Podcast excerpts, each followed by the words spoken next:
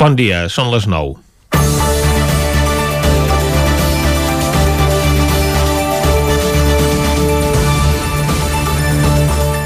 Avui entra en vigor un nou model de tarificació elèctrica que tindrà efecte sobre la factura dels abonats. S'estableixen tres períodes horaris amb preus diferenciats pel mercat domèstic, de manera que es triplica el preu de l'energia en hora punta, de 10 a 2 del matí i de 6 de la tarda a 10 del vespre, serà molt més barata de nits, caps de setmana i festius i tindrà un preu similar a l'actual la resta del dia. La mesura obeeix a una directiva europea que el Ministeri per la Transició Ecològica ha anat demorant fins ara i en teoria s'aplica a fi de bé per lluitar contra el canvi climàtic. D'aquesta manera es vol incentivar l'eficiència del sistema elèctric reduint el consum quan hi ha més demanda i incrementar-lo quan la xarxa va carregada d'energia que no s'aprofita. L'aplicació pràctica de tot plegat, però, serà que pujarà el rebut de la llum pels usuaris perquè precisament quan l'energia és més cara és quan hi ha més necessitat d'utilitzar-la, a les hores que es torna a casa després de la feina o quan es fan els àpats principals. I topa amb els plantejaments de l'Oficina per la Reforma Horària que conviden a avançar l'hora de dinar i el sopar en plena hora punta de la tarifa elèctrica quan precisament fer-ho més tard surt més barat, encara que vagi en detriment dels nostres hàbits i salut.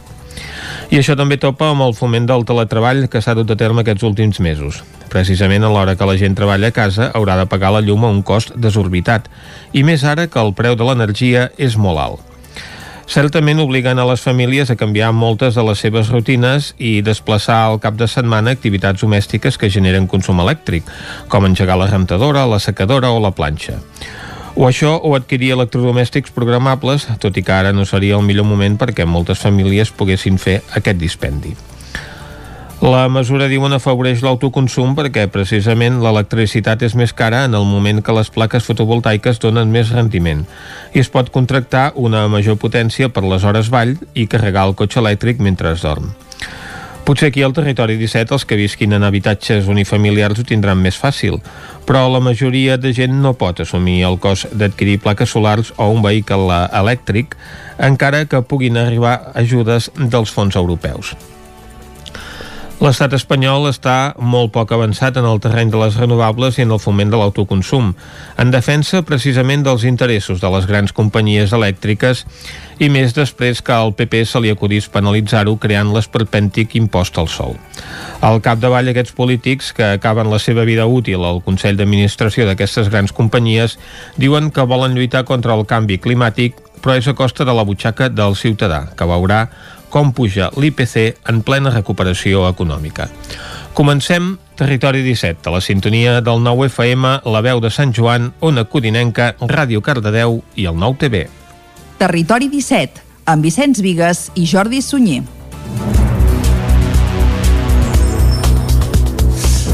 Són les 9 i 3 minuts d'avui dimarts, dia 1 de juny de 2021. Comença ara mateix un nou Territori 17 que avui, com sempre, durant la primera hora us acostarà tota l'actualitat de les nostres comarques. Després, com que som dimarts, tindrem el Buscat la Vida amb la Txela Falgueres, també parlarem d'economia amb en Joan Carles Arredondo i avui acabarem parlant de meteorologia amb el Manel Dot, amb qui farem balanç del mes que hem deixat enrere, del mes de maig, un mes bastant eixut i força frescot això ens ho confirmà en Manel a la part final d'un Territori 17 que ara arrenca, tot fent un repàs a l'actualitat de casa nostra, l'actualitat de les comarques del Ripollès, Osona, el Moianès i el Vallès Oriental.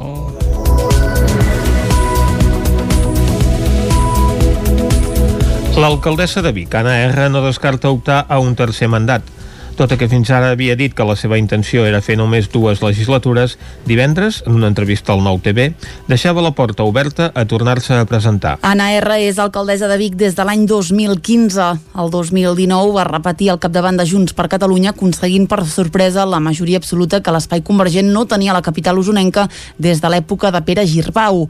R havia afirmat que la seva etapa a l'alcaldia es limitaria a dos mandats, però ara no descarta del tot presentar-se a la real reelecció en les eleccions municipals de 2023.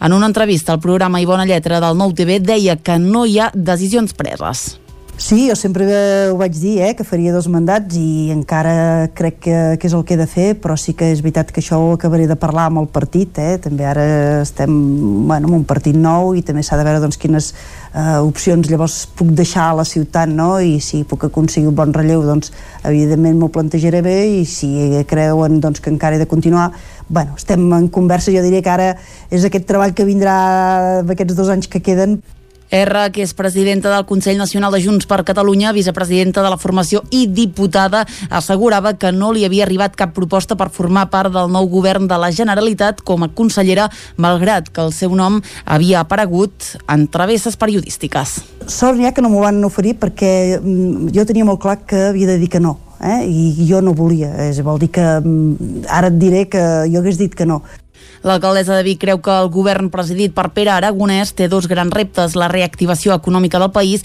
i la continuïtat del procés independentista amb una estratègia que caldrà redefinir per la lectura que hem tret del 14F és que nosaltres no podem tirar sols aquesta confrontació, aquest embat, sinó que hem d'anar més amb la idea de preparar-nos tots conjuntament i anar creant pas a pas quina estratègia eh, s'ha d'anar avançant. I nosaltres el que volem és fer aquest acord entre tots i avançar entre tots. Anna R situava dins de la normalitat les opinions diferents que hi ha hagut dins de Junts sobre si calia fer o no el pacte per investir a Pere Aragonès. Més del 80% dels treballadors essencials usonencs que han començat a rebre la segona dosi de la vacuna contra la Covid opten per repetir amb AstraZeneca. Tot i que el govern espanyol aconsella que s'administri Pfizer, una gran majoria està decidint acabar la pauta amb la segona dosi del vaccí anglès. A part del col·lectiu prioritzat que ara està rebent la vacuna de Pfizer, la població d'entre 50 i 59 anys des de dijous passat cap al Sucre de Vic i tornen a passar els professionals essencials per rebre la segona dosi. Aquest col·lectiu, on hi ha bombers, Mossos o mestres, entre d'altres, va iniciar la vacunació amb AstraZeneca. A Osona es va administrar a 3.017 essencials, un 60% dels que preveien quan es va aturar la vacunació pels casos de trombes que van donar. Encara que el govern espanyol va decidir que completaria la pauta amb Pfizer, la gran majoria, un 80%, estan decidint posar-se la segona dosi d'AstraZeneca, afirmant, això sí, un consentiment. Anna Moreta és metge de família i directora del Servei d'Atenció Primària a Osona. Ens hem trobat algú que ha arribat, o sigui, allò amb dubtes, no? Què faig? Em poso aquesta, em poso l'altra. I el que volien era una mica que nosaltres els hi donéssim la solució a la pregunta, no? Doncs posa't aquesta, perquè nosaltres no podem decidir. Nosaltres el que fem és seguir les directius que ens dita Salut i nosaltres els diem que la que està prioritzada és Pfizer, però que poden escollir l'altra. Curiosament, els que tenen dubtes són els que han escollit Pfizer. Els que ja venien amb Astra venien molt mentalitzats de casa la decisió, segons expliquen els vaccinats, és molt meditada. Sentim per aquest ordre a Jordi Rossell i a Susana Roger.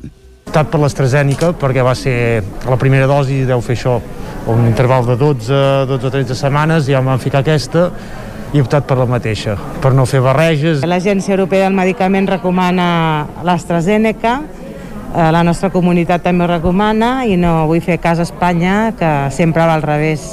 Com que és difícil preveure quina vacuna escollirà cada persona al recinte del Sucre de Vic i tenen preparades les mateixes dosis dels dos vaccins. Només queden 5 ingressats per Covid-19 a l'Hospital de Camp de Bànol. Isaac Muntades, des de la veu de Sant Joan. Molt bones notícies pel que fa a la situació de l'Hospital de Camp de Bànol en els darrers dies, ja que actualment només hi queden 5 persones ingressades per Covid-19, totes a l'àrea de sociosanitari i recuperant-se dels efectes de la malaltia. Gràcies a aquesta millora, el centre hospitalari ha pogut reobrir les plantes d'hospitalització i canviar la normativa de visites. Així doncs, ara els pacients es poden visitar durant una hora al matí de dos quarts d'una a dos quarts de dues i una hora a la tarda de 7 a 8 i preferiblement sempre amb el mateix acompanyant. També es permet un acompanyant per pacient al servei d'urgències i l'accés a les plantes d'hospitalització s'ha de fer per la zona d'admissions, on els visitants s'hauran d'acreditar. La situació epidemiològica també és bona perquè el risc de rebrot segueix caient i ha passat de 185 a 161. No és l'únic indicador que baixa, ja que l'RT o taxa de propagació del virus també ha patit una davallada d'1,48 a 1,24 punts. Els casos detectats per PCR o test d'antígens es mantenen gairebé igual i la setmana del 20 al 26 de maig se'n van detectar 15. La taxa de positivitat continua acostant-se al desitjat 5% i ja és d'un 5,36%, per tant la pandèmia l'epidèmia està sota control al Ripollès. El procés de vacunació també continua avançant força de pressa i ja hi ha 10.558 habitants de la comarca que han rebut almenys la primera dosi de la vacuna, una xifra que equival a un 41,8% de la població. A més, ja hi ha un 21,6% dels ripollesos que han completat la pauta de vacunació, 5.470 persones. Com que al Ripollès s'han detectat 2.628 casos positius, això significa que ja hi ha un 52,2% de persones de la comarca que o estan immunitzades contra el coronavirus o que ja han passat la malaltia. Dijous es va fer a Cardedeu el ple ordinari del mes de maig de manera telemàtica, com els últims que s'han celebrat. S'hi va parlar de la festa major d'enguany i també s'hi va viure la dimissió de Quique Fuentes, el regidor d'en Comú Podem. David Auladell, de Ràdio Televisió Cardedeu, Ple ordinari del mes de maig a l'Ajuntament de Cardedeu amb tres propostes sobre la taula i dues mocions, una d'elles en suport de l'amnistia i l'altra per retre homenatge a la memòria d'Enric Valor i Vives, totes dues presentades pel grup municipal de la candidatura d'Unitat Popular amb les adhesions del grup municipal d'Esquerra Republicana de Catalunya i Junts per Cardedeu. A l'ordre del dia de pregs i preguntes i informacions diverses hi ha hagut polèmica amb diversos temes, un d'ells la recollida selectiva de brossa, el sistema porta a porta i un altre amb un dels apunts que va fer el regidor del Partit Socialista, Víctor Serrano. Escoltem el regidor Zucloqueti de la CUP i regidor d'Igualtat, el regidor del PSC, Víctor Serrano, i l'alcalde de Cardedeu, Enric Oliver. Hi ha uns mecanismes tant per les entitats com per als veïns i les veïnes per resoldre no? certs, eh, doncs, les incidències que hi hagi, però han de passar pel senyor Víctor Serrano perquè ell és el portaveu d'aquestes incidències. Jo crec que va per cultures polítiques, no és la meva, evidentment. Si a mi em transmeten una queixa i jo tinc que liderar aquesta queixa davant d'una injustícia o la ineficàcia de l'Ajuntament, no m'importa liderar-ho i dir-ho aquí en el ple, perquè és, això forma part de la meva feina. Sap greu que es posi en judici i en qüestió i es doni mal nom a la companyia Fedeu per un possible mal manteniment d'una dutxa, m'ha semblat que deia una dutxa, del gym, però no vol, això no implica que Fedeu faci un mal manteniment, només faltaria per una dutxa del gym, que n'hi han 100, més tot, els, més tot l'equipament. Per favor, no, no, no malmetem el nom dels treballadors municipals i de les empreses municipals, per favor. A banda, des de la regidoria de Cultura es va parlar de la festa major, que enguany es celebrarà de l'11 al 15 d'agost. De moment encara pendents del Procicat per veure si es podrà celebrar mínim com la de l'any passat, ja que hi ha activitats que aquest any no es podrien fer com el seguici, ja que no es poden fer activitats culturals itinerants. A banda, el ple va acabar amb l'anunciament de la renúncia al càrrec de regidor d'Enrique Fuentes, del grup municipal d'en Comú Podem, qui serà substituït per Núria Romero. Caldes de Montbui fa passos per millorar la gestió de la perillositat provocada pels senglars. El municipi ha signat un conveni amb 13 municipis més del Vallès Oriental per tal de gestionar la problemàtica. Caral Campàs, des d'Ona Codinenca. Caldes ha aprovat un conveni amb altres municipis de la comarca per treballar conjuntament els conflictes relacionats amb els senglars. La proposta aprovada per unanimitat en l'últim ple municipal busca mitigar els problemes que produeix la presència d'aquests animals als termes municipals i es considera que en determinades actuacions funcionen millor si es fan de forma coordinada. D'aquesta manera, el primer que es farà és una diagnosi que donarà pas a un pla d'acció amb un objectiu principal, controlar la població de senglars. El regidor d'Espais Públics Públics. I Mobilitat, Jaume Mauri, resumeix l'esperit d'aquest conveni conveni que vam aprovar ahir per ple municipal és un conveni signat amb diferents municipis del Vallès que compartim una problemàtica relacionada amb l'extensió del port senglar. Aquesta problemàtica, evidentment, és molt més eh, efectiva i més objectiva poder-la fer entre tots, que en puguem parlar entre tots, sobretot entre els tècnics municipals del medi ambient, per poder fer un pla coordinat i, i dissenyat eh, des d'un territori bastant més extens anys que no pas al municipal. La proposta va tenir molt bona acollida als grups de l'oposició. Carla Millan és regidora del PSC. Ens agrada i ens alegra que es faci de forma coordinada amb un munt de municipis, ja que entenem que el, les problemàtiques que hi ha a nivell uh, de fauna i, i mediambientals no són únicament d'un municipi, sinó que s'han de tractar de forma coordinada.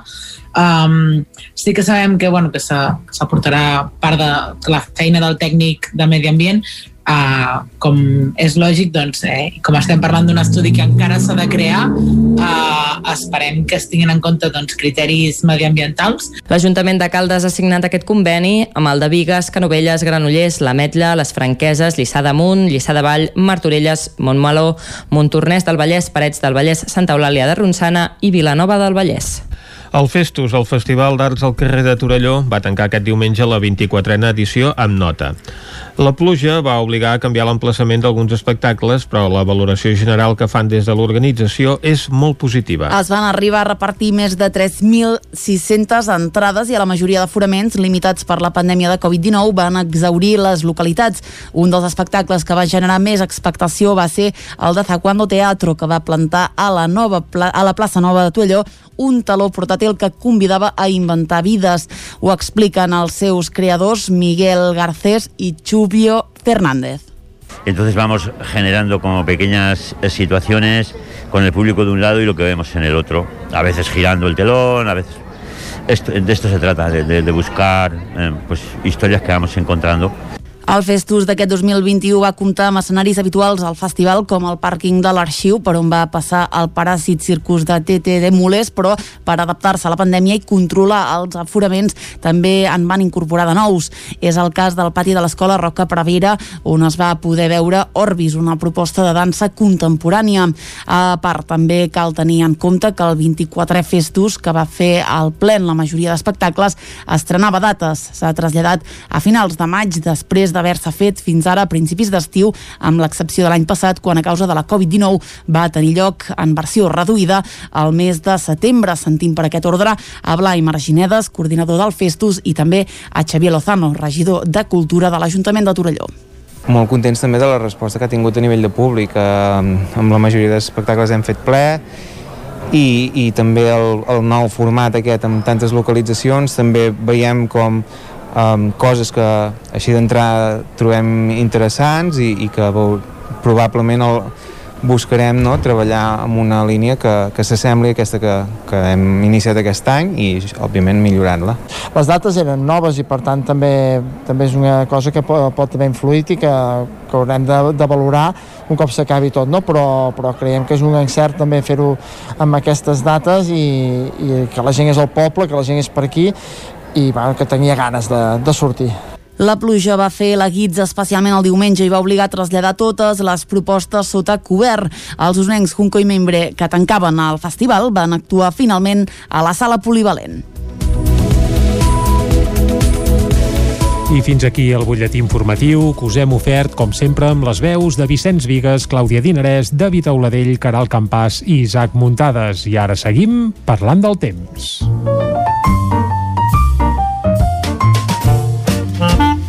Casa Terradellos us ofereix el temps. I per saber el temps que ens espera per avui, saludem de seguida en Pep Acosta. Bon dia, Pep.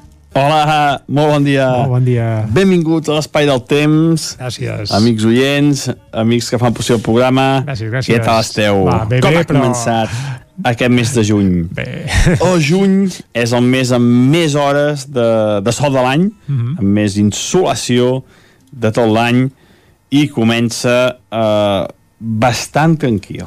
bueno, vaig a pams, vaig a pams. Va. És bastant tranquil, hem passat una nit ja força suau, per sobre dels 10 graus a moltes zones, fins i tot per sobre dels 15 a les zones més càlides del peritoral i només per sobre dels 10 graus a les zones de més alta muntanya.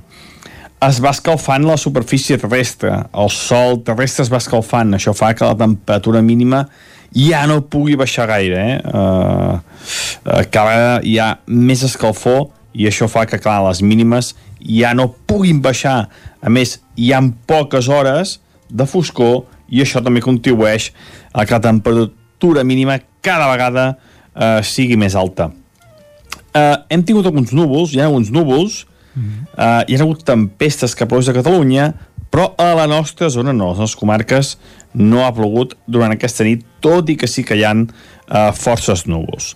Durant el dia d'avui, els núvols s'incrementaran i de cara a la tarda començaran a créixer tempestes cap a la zona del Pirineu. No seran tempestes molt importants avui a les nostres comarques, eh? Les tempestes més importants avui quedaran a l'oest de Catalunya. Eh, nosaltres estarem una mica eh, eh, a la zona eh, més oriental i per tant no ens afectarà el gruix de les tempestes. Tot i així, en pot caure alguna a darrera hora una mica més important cap al Pirineu. Eh, cap al prelitoral interior seran més modestes, jo crec que entre els 5 i els 10 litres. Sí que cap al Pirineu es poden superar els 10 o 15 litres puntualment i en algun lloc poder fins i tot més de 15 litres localment algun xàfec pot ser bastant important però ja dic que avançada a la tarda nit no serà durant la tarda sinó que serà avançada a tarda nit mm. les temperatures molt semblants a les d'ahir les màximes voltaran els, entre els 20 i els 25 graus de majoria eh, com podeu observar, les temperatures estan més contingudes. Eh? El cap de setmana sí que van pujar moltíssim, sobretot dissabte, però aquesta setmana estaran eh, molt més a ratlla, molt més de les habituals per l'època de l'any. Ahir també plou una mica cap al Pirineu, eh, uns 10 litres a Núria, també 5-6 a Vilater. Uh, jo crec que avui més o menys plourà el mateix. Es van acumulant litres en aquella zona, que és molt important, allà és on creixen els grans rius uh, catalans, i, i això està bé, eh? que, creixi, que pogui perdó, en aquelles zones està bé, però aquesta pluja s'hauria de ser de més llocs. I ja dic, no sembla que avui sigui un gran dia per, per, per ploure molt, molt en, en aquestes zones. Els vents, els vents bufaran de, de sud, direcció sud, seran eh, febles al matí, algun cop moderat de cara a la tarda, sobretot el litoral, algun cop moderat de 40-50 km per hora. I això és tot, a disfrutar del dia d'avui, Uh -huh. Al matí, núvol sense pluja, a la tarda que seran les nuvolades i tindrem alguna tempesta, que la nit pot ser una mica forta cap a la zona del Pirineu. Moltes gràcies i que tingueu un bon, bon inici de mes. Adéu, ja. fins demà. Moltes gràcies a tu, Pep, salut, i nosaltres ara anem cap al quiosc. Casa Tarradellas us ha ofert aquest espai. Territori 17 Arriba el moment de fer una ullada al que treuen en portada els diaris d'avui. Clàudia. Molt bon dia de nou. Comencem, com sempre, amb les portades catalanes, amb el punt avui que diu Sánchez mou peça. El president del govern espanyol assumeix el resultat de concedir els indults. El veritable cos seria deixar les coses enquistades, diu, sobre l'efecte polític. A la imatge front comú per la gestió de l'aigua. Ajuntaments d'arreu del país revelen pressions de les empreses per retenir el servei. I una molt bona notícia, un dia sense cap mort per Covid-19. Primera jornada sense víctimes des del juliol passat gràcies a la campanya de vacunació i al gran descens dels ingressos hospitalaris. Anem al diari ara que diu la mortalitat per Covid a mínims. El nombre de víctimes cau un 90% en 5 mesos i se situa a nivells del juliol de l'estiu passat. Simon obre la porta a permetre als vacunats a prescindir de la mascareta a l'aire lliure a finals de juny. A la imatge ple a les platges angleses i sense mascareta. El Marroc acusa Espanya de no tornar-li els favors del procés, el compara amb el conflicte saharaui i retreu al govern espanyol que no li doni suport. I en esports, el Barça fitxa el Kun Agüero per dos anys i avui presenta a Eric Garcia. Anem al periòdico que diu l'ampliació de l'aeroport serà rendible a partir del tercer any. Les empreses pressionen per tirar endavant el pla d'inversions per les instal·lacions del Prat. A la imatge Sánchez posa ferms Rabat. El president tilla d'inacceptable la sal a les fronteres de Ceuta en rèplica al Marroc, que vincula el conflicte amb el procés. I com veiem fa un moment, Simón afirma que la mascareta deixarà de ser necessària a l'aire lliure al juny o al juliol. I acabem amb l'avantguàrdia que diu el Marroc tensa més encara la relació amb Espanya. Sánchez considera inacceptable que Rabat equipari el Sàhara amb Catalunya. Casado anirà anirà a la concentració de Colón, tot i que hi coincideixi amb Vox. A la imatge la Xina s'apunta a la família nombrosa. Aquest any el món creixerà al ritme més alt des de l'any 1973, segons l'OCDE, i alerta la tarifa elèctrica es dispara en plena reforma del rebut. Anem a Madrid a veure què treuen en portada els seus diaris. Anem Anem al país que diu Marroc irrita la crisi a l'equiparar Catalunya amb el Sàhara. Com veiem fa un moment, Casado anirà a la protesta pels indults, però evitarà la foto amb Vox. A la imatge aquí veiem és Ivan Duque, president de Colòmbia, de Colòmbia que diu que no permetrà que ningú desagni a Colòmbia i eh, parlen d'un col·legi religiós de Vigo amb quatre pedrastes. Diu, vuit exalumnes relaten els abusos i la violència sistemàtica de fa 60 anys. Anem al Mundo que diu Sánchez es nega a discutir els indults amb el PSOE i amb els barons. Moncloa afirma que és una qüestió que aprova el Consell de Ministres i evita l'executiva socialista. Esquerra Republicana exigeix al president que segui a negociar amb Junqueras a la independència. A la imatge diu Sánchez vol mirar-se en el mirall de Blair i Espanya alerta serà la potència de la Unió Europea que més tardarà en sortir de la crisi. Anem a la raó que diu Sánchez remodelarà el govern després dels indults. Casado agafa avantatge a Vox eh, pel que fa a la manifestació de Colón del dia 13 de juny i Rabat dona per trencada la relació de confiança mútua amb Espanya. Acabem amb, una, amb la portada de l'ABC que diu Marroc puja la pressió i compara el Sàhara amb Catalunya. Acusa Madrid de deslleialtat per lluitar contra el separatisme aquí i donar suport als seus enemics al Sàhara. Sánchez, per la seva banda, tilla d'inacceptable que Rabat ataqui la nostra frontera per una discrepància diplomàtica. No es posen d'acord els eh, diaris avui arran d'aquest conflicte entre Espanya i el Marroc. La Vanguardia diu que el Marroc tensa més encara aquesta relació amb Espanya, el país que l'equipara amb Catalunya, l'ABC també, que ho compara amb Catalunya. En canvi, si mirem la portada del periòdico, el que diuen és que Sánchez posa ferms Rabat i el veiem aquí passant revista a les tropes en aquesta eh, cimera que hi va haver a Alcalà de Henares amb eh, Polònia. Avui és un dia també per fer una ullada al que diuen els diaris esportius amb ocasió doncs, el fitxatge de, del Kun Agüero que es va presentar ahir com a nou jugador del Barça, primer fitxatge de l'era a la porta, Killer Kun és el titular de Mundo Deportivo, Kun Culé, Agüero primer fitxatge de l'era a la porta a l'esport i més que un club a l'esportiu un eh, titular doncs, ben, ben trobat sobre la incorporació d'aquest eh, jugador al Barça mentre que els diaris eh, esportius de Madrid doncs, furguen en la ferida entre eh, Florentino Pérez i Zinedine Zidane que ha decidit eh, renunciar a l'any de contracte que li quedava com a entrenador blanc. Hem fet un repàs a les portades dels diaris eh, d'avui i posem aquí el punt i final a aquest bloc informatiu. I ara el que farem és fer una breu pausa i tornem a dos quarts en punt amb més informació aquí a Territori 17. Fins ara. El nou FM, la ràdio de casa, al 92.8. A la llibreria Mater hi trobaràs material escolar i d'escriptori, llibres, revistes i el millor regal. T'esperem amb una gran varietat de novel·les, llibres d'assaig, poesia, contes i moltes novetats editorials. I per anar ben equipat a l'escola tenim motxilles, estoig, carpetes, llibretes, bolígrafs i molt més. Recorda que amb la targeta client tens descomptes. Mater, llibreters amb vocació des de 1957. Llibreria Mater. Ens trobaràs al carrer Pla de Balanyà número 23 de Vic i a mater.cat. A Mobles Verdolet liquidem l'exposició. Vine a veure'ns i renova casa teva. Sofàs, sales d'estudi, dormitoris, matalassos, menjadors, rebedors i complements i molt més. Mobles Verdolet. Mobles fets a mida. Qualitat a bon preu. Ens trobaràs al carrer Morgades, número 14 de Vic i al carrer Nou, número 44 de Torelló. Telèfon 93 380 36 24. Moblesverdolet.com Sonocar, empresa dedicada a la compra i venda d'automòbils amb més de 20 anys d'experiència.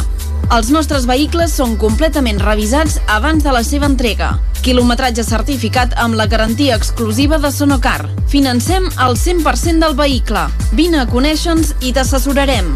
Sonocar, ens trobaràs a la Rambla Josep Tarradellas, número 2 de Vic, al telèfon 93 883 31 28 i a sonocar.cat.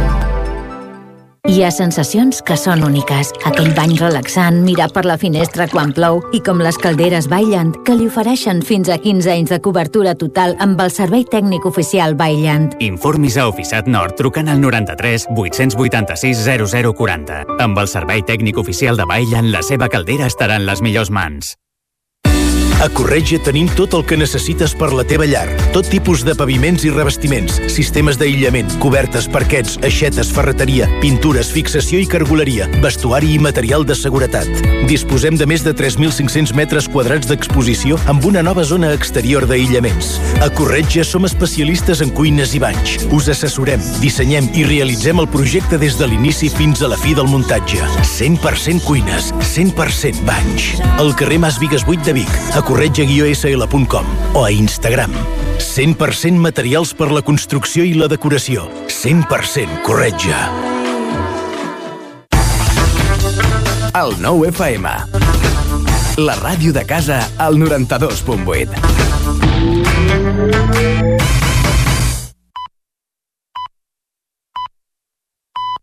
Territori 17, amb Vicenç Vigues i Jordi Sunyer.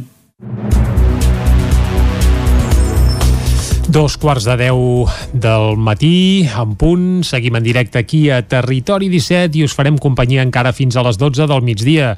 De seguida el que farem és acostar-vos de nou tota la informació de les nostres comarques i després, a partir de les 10, tindrem més informació, entrevista. Avui conversarem amb l'escultor de Centelles Jordi Diez, autor, per cert, d'una peça sobre Rafa Nadal que lluirà a París, a les instal·lacions de Roland Garros. Això ho descobrirem avui a l'entrevista. També com que és dimarts, tindrem el Buscat la Vida amb la Txela Falgueres. També ens acompanyarà el Joan Carles Arredondo per parlar-nos d'economia. I avui acabarem parlant de meteorologia amb Manel Dot, que ens ve a visitar un cop al mes per fer balanç del mes que deixem enrere. És a dir, que avui parlarem d'aquest maig que ha estat relativament sec i relativament fresc. Però això ens ho confirmarà en Manel amb dades. Això serà a la part final d'un programa que ara segueix acostant-vos de nou tota l'actualitat de casa nostra, l'actualitat de les comarques del Ripollès, Osona, el Moianès i el Vallès Oriental.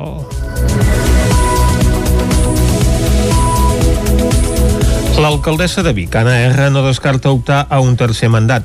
Tot i que fins ara havia dit que la seva intenció era fer només dues legislatures, divendres, en una entrevista al Nou TV, deixava la porta oberta a tornar-se a presentar. Anna R és alcaldessa de Vic des de l'any 2015. El 2019 va repetir el capdavant de Junts per Catalunya, aconseguint per sorpresa la majoria absoluta que l'espai convergent no tenia a la capital usonenca des de l'època de Pere Girbau. R havia afirmat que la seva etapa a l'alcaldia es limitaria a dos mandats, però ara no descarta del tot presentar-se a la reelecció en les eleccions municipals de 2023. En una entrevista al programa I Bona Lletra del Nou TV deia que no hi ha decisions preses. Sí, jo sempre ho vaig dir, eh, que faria dos mandats i encara crec que, que és el que he de fer, però sí que és veritat que això ho acabaré de parlar amb el partit, eh? també ara estem bueno, en un partit nou i també s'ha de veure doncs, quines eh, opcions llavors puc deixar a la ciutat no? i si puc aconseguir un bon relleu doncs evidentment m'ho plantejaré bé i si creuen doncs, que encara he de continuar bueno, estem en conversa, jo diria que ara és aquest treball que vindrà d'aquests dos anys que queden R, que és presidenta del Consell Nacional de Junts per Catalunya, vicepresidenta de la formació i diputada, assegurava que no li havia arribat cap proposta per formar part del nou govern de la Generalitat com a consellera, malgrat que el seu nom havia aparegut en travesses periodístiques. Sort n'hi ha que no m'ho van oferir perquè mm, jo tenia molt clar que havia de dir que no, eh? i jo no volia. És, vol dir que mm, ara et diré que jo hagués dit que no. L'alcaldessa de Vic creu que el govern presidit per Pere Aragonès té dos grans reptes, la reactivació econòmica del país i la continuïtat del procés independentista amb una estratègia que caldrà redefinir per la lectura que hem tret del 14F és que nosaltres no podem tirar sols aquesta confrontació, aquest embat, sinó que hem d'anar més amb la idea de preparar-nos tots conjuntament i anar creant pas a pas quina estratègia eh, s'ha d'anar avançant. I nosaltres el que volem és fer aquest acord entre tots i avançar entre tots. Anna R situava dins de la normalitat les opinions diferents que hi ha hagut dins de Junts sobre si calia fer o no el pacte per investir a Pere Aragonès. Més del 80% dels treballadors essencials usonencs que han començat a rebre la segona dosi de la vacuna contra la Covid opten per repetir amb AstraZeneca. Tot i que el govern espanyol aconsella que s'administri Pfizer, una gran majoria està decidint acabar la pauta amb la segona dosi del vaccí anglès. A part del col·lectiu prioritzat que ara està rebent la vacuna de Pfizer, la població d'entre 50 i 59 anys, des de dijous passat cap al Sucre de Vic i tornen a passar els professionals essencials per rebre la segona dosi. Aquest col·lectiu, on hi ha bombers, Mossos o mestres, entre d'altres, va iniciar la vacunació amb AstraZeneca. A Osona es va administrar a 3.017 essencials, un 60% dels que preveien quan es va aturar la vacunació pels casos de trombes que van donar. Encara que el govern espanyol va decidir que completaria la pauta amb Pfizer, la gran majoria, un 80%, estan decidint posar-se la segona dosi d'AstraZeneca, afirmant, això sí, un consentiment. Anna Moreta és metge de família i directora del Servei d'Atenció Primària a Osona ens hem trobat algú que ha arribat o sigui, allò amb dubtes, no? què faig? Em poso aquesta, em poso l'altra i el que volien era una mica que nosaltres els hi donéssim la solució a la pregunta no? Doncs pues posa't aquesta, però nosaltres no podem decidir nosaltres el que fem és seguir les directius que ens dit a Salut i nosaltres els diem que la que està prioritzada és Pfizer però que poden escollir l'altra curiosament els que tenen dubtes són els que han escollit Pfizer els que ja venien amb Astra venien molt mentalitzats de casa la decisió, segons expliquen els vaccinats, és molt meditada. Sentim per aquest ordre a Jordi Rossell i a Susana Roger optat per l'AstraZeneca perquè va ser la primera dosi deu fer això un interval de 12, 12 o 13 setmanes i ja em van ficar aquesta i he optat per la mateixa, per no fer barreges. L'Agència Europea del Medicament recomana l'AstraZeneca eh, la nostra comunitat també ho recomana i no vull fer cas a Espanya que sempre va al revés. Com que és difícil preveure quina vacuna escollirà cada persona al recinte del Sucre de Vic i tenen preparades les mateixes dosis dels dos vaccins. Només queden 5 ingressats per Covid-19 a l'Hospital de Camp de Bànol. Isaac Muntades, des de la veu de Sant Joan. Molt bones notícies pel que fa a la situació de l'Hospital de Camp de Bànol en els darrers dies, ja que actualment només hi queden 5 persones ingressades per Covid-19, totes a l'àrea de sociosanitari i recuperant-se dels efectes de la malaltia. Gràcies a aquesta millora, el centre hospitalari ha pogut reobrir les plantes d'hospitalització i canviar la normativa de visites. Així doncs, ara els pacients es poden visitar durant una hora al matí de dos quarts d'una a dos quarts de dues i una hora a la tarda de 7 a 8 i preferiblement sempre amb el mateix acompanyant. També es permet un acompanyant per pacient al servei d'urgències i l'accés a les plantes d'hospitalització s'ha de fer per la zona d'admissions, on els visitants s'hauran d'acreditar. La situació epidemiològica també és bona perquè el risc de rebrot segueix caient i ha passat de 185 a 161. No és l'únic indicador que baixa, ja que l'RT o taxa de propagació del virus també ha patit una davallada d'1,48 a 1,24 punts. Els casos detectats per PCR o test d'antígens es mantenen gairebé igual i la setmana del 20 al 26 de maig se'n van detectar 15. La taxa de positivitat continua acostant-se al desitjat 5% i ja és d'un 5,36%, per tant la pandèmia pandèmia està sota control al Ripollès. El procés de vacunació també continua avançant força de pressa i ja hi ha 10.558 habitants de la comarca que han rebut almenys la primera dosi de la vacuna, una xifra que equival a un 41,8% de la població. A més, ja hi ha un 21,6% dels ripollesos que han completat la pauta de vacunació, 5.470 persones. Com que al Ripollès s'han detectat 2.628 casos positius, això significa que ja hi ha un 52,2% de persones de la comarca que o estan immunitzades contra el coronavirus o que ja han passat passat la malaltia. Dijous es va fer a Cardedeu el ple ordinari del mes de maig de manera telemàtica, com els últims que s'han celebrat. S'hi va parlar de la festa major d'enguany i també s'hi va viure la dimissió de Quique Fuentes, el regidor d'en Comú Podem. David Oladell, de Ràdio Televisió Cardedeu, ple ordinari del mes de maig a l'Ajuntament de Cardedeu amb tres propostes sobre la taula i dues mocions, una d'elles en suport de l'amnistia i l'altra per retre homenatge a la memòria d'Enric Valor i Vives, totes dues presentades pel grup municipal de la candidatura d'Unitat Popular amb les adhesions del grup municipal d'Esquerra Republicana de Catalunya i Junts per Cardedeu. A l'ordre del dia de pregs i preguntes i informacions diverses hi ha hagut polèmica amb diversos temes, un d'ells la recollida selectiva de brossa, el sistema porta a porta i un altre amb un dels apunts que va fer el regidor del Partit Socialista, Víctor Serrano. Escoltem el regidor Zocloqueti de la CUP i regidor d'Igualtat, el regidor del PSC, Víctor Serrano, i l'alcalde de Cardedeu, Enric Oliver. Hi ha uns mecanismes tant per les entitats com per als veïns i les veïnes per resoldre no? certs, eh, doncs, les incidències que hi hagi, però han de passar pel senyor Víctor Serrano perquè ell és el portaveu d'aquestes incidències. Jo crec que va per cultures polítiques. No és la meva, evidentment.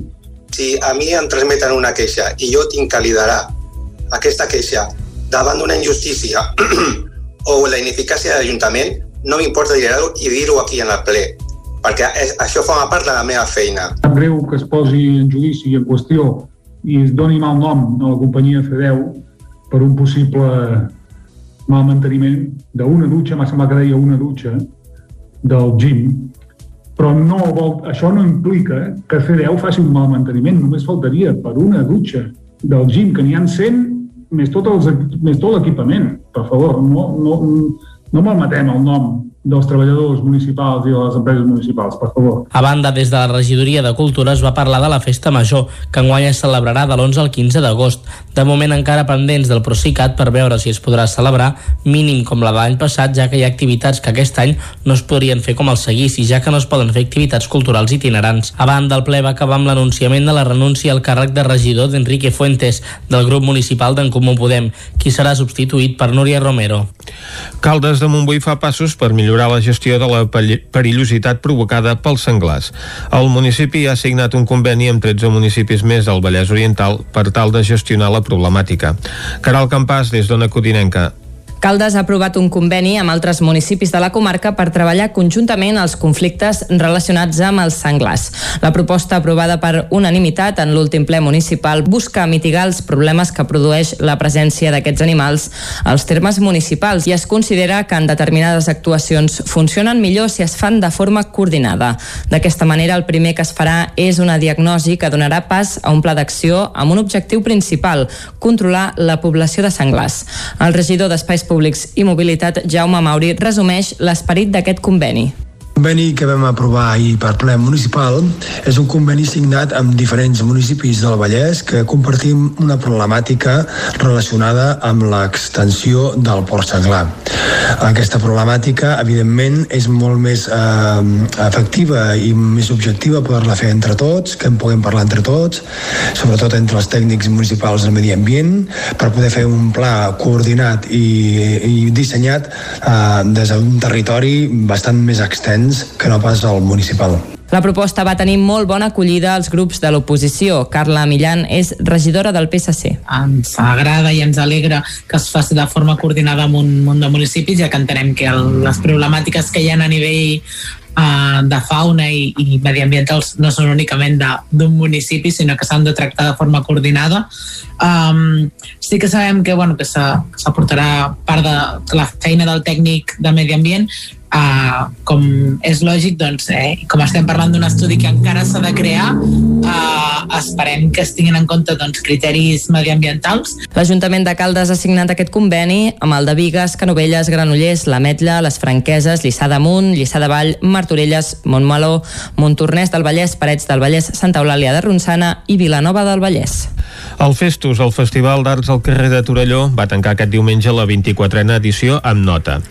La pluja va obligar a canviar l'emplaçament d'alguns espectacles, però la valoració general que fan des de l'organització és molt positiva. Es van arribar a repartir més de 3.600 entrades i a la majoria d'aforaments limitats per la pandèmia de Covid-19 van exaurir les localitats.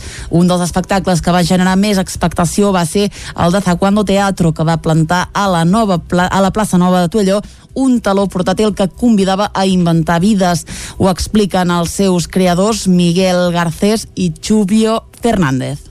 Entonces vamos generando como pequeñas situaciones con el público de un lado y lo que vemos en el otro. A veces girando el telón, a veces... Esto, de esto se trata, de, de, de buscar eh, pues, historias que vamos encontrando. El Festus d'aquest 2021 va comptar amb escenaris habituals al festival com el pàrquing de l'Arxiu, per on va passar el Paràsit Circus de TT de Molers, però per adaptar-se a la pandèmia i controlar els aforaments també en van incorporar de nous. És el cas del pati de l'Escola Roca Prevera, on es va poder veure Orbis, una proposta de dansa contemporània.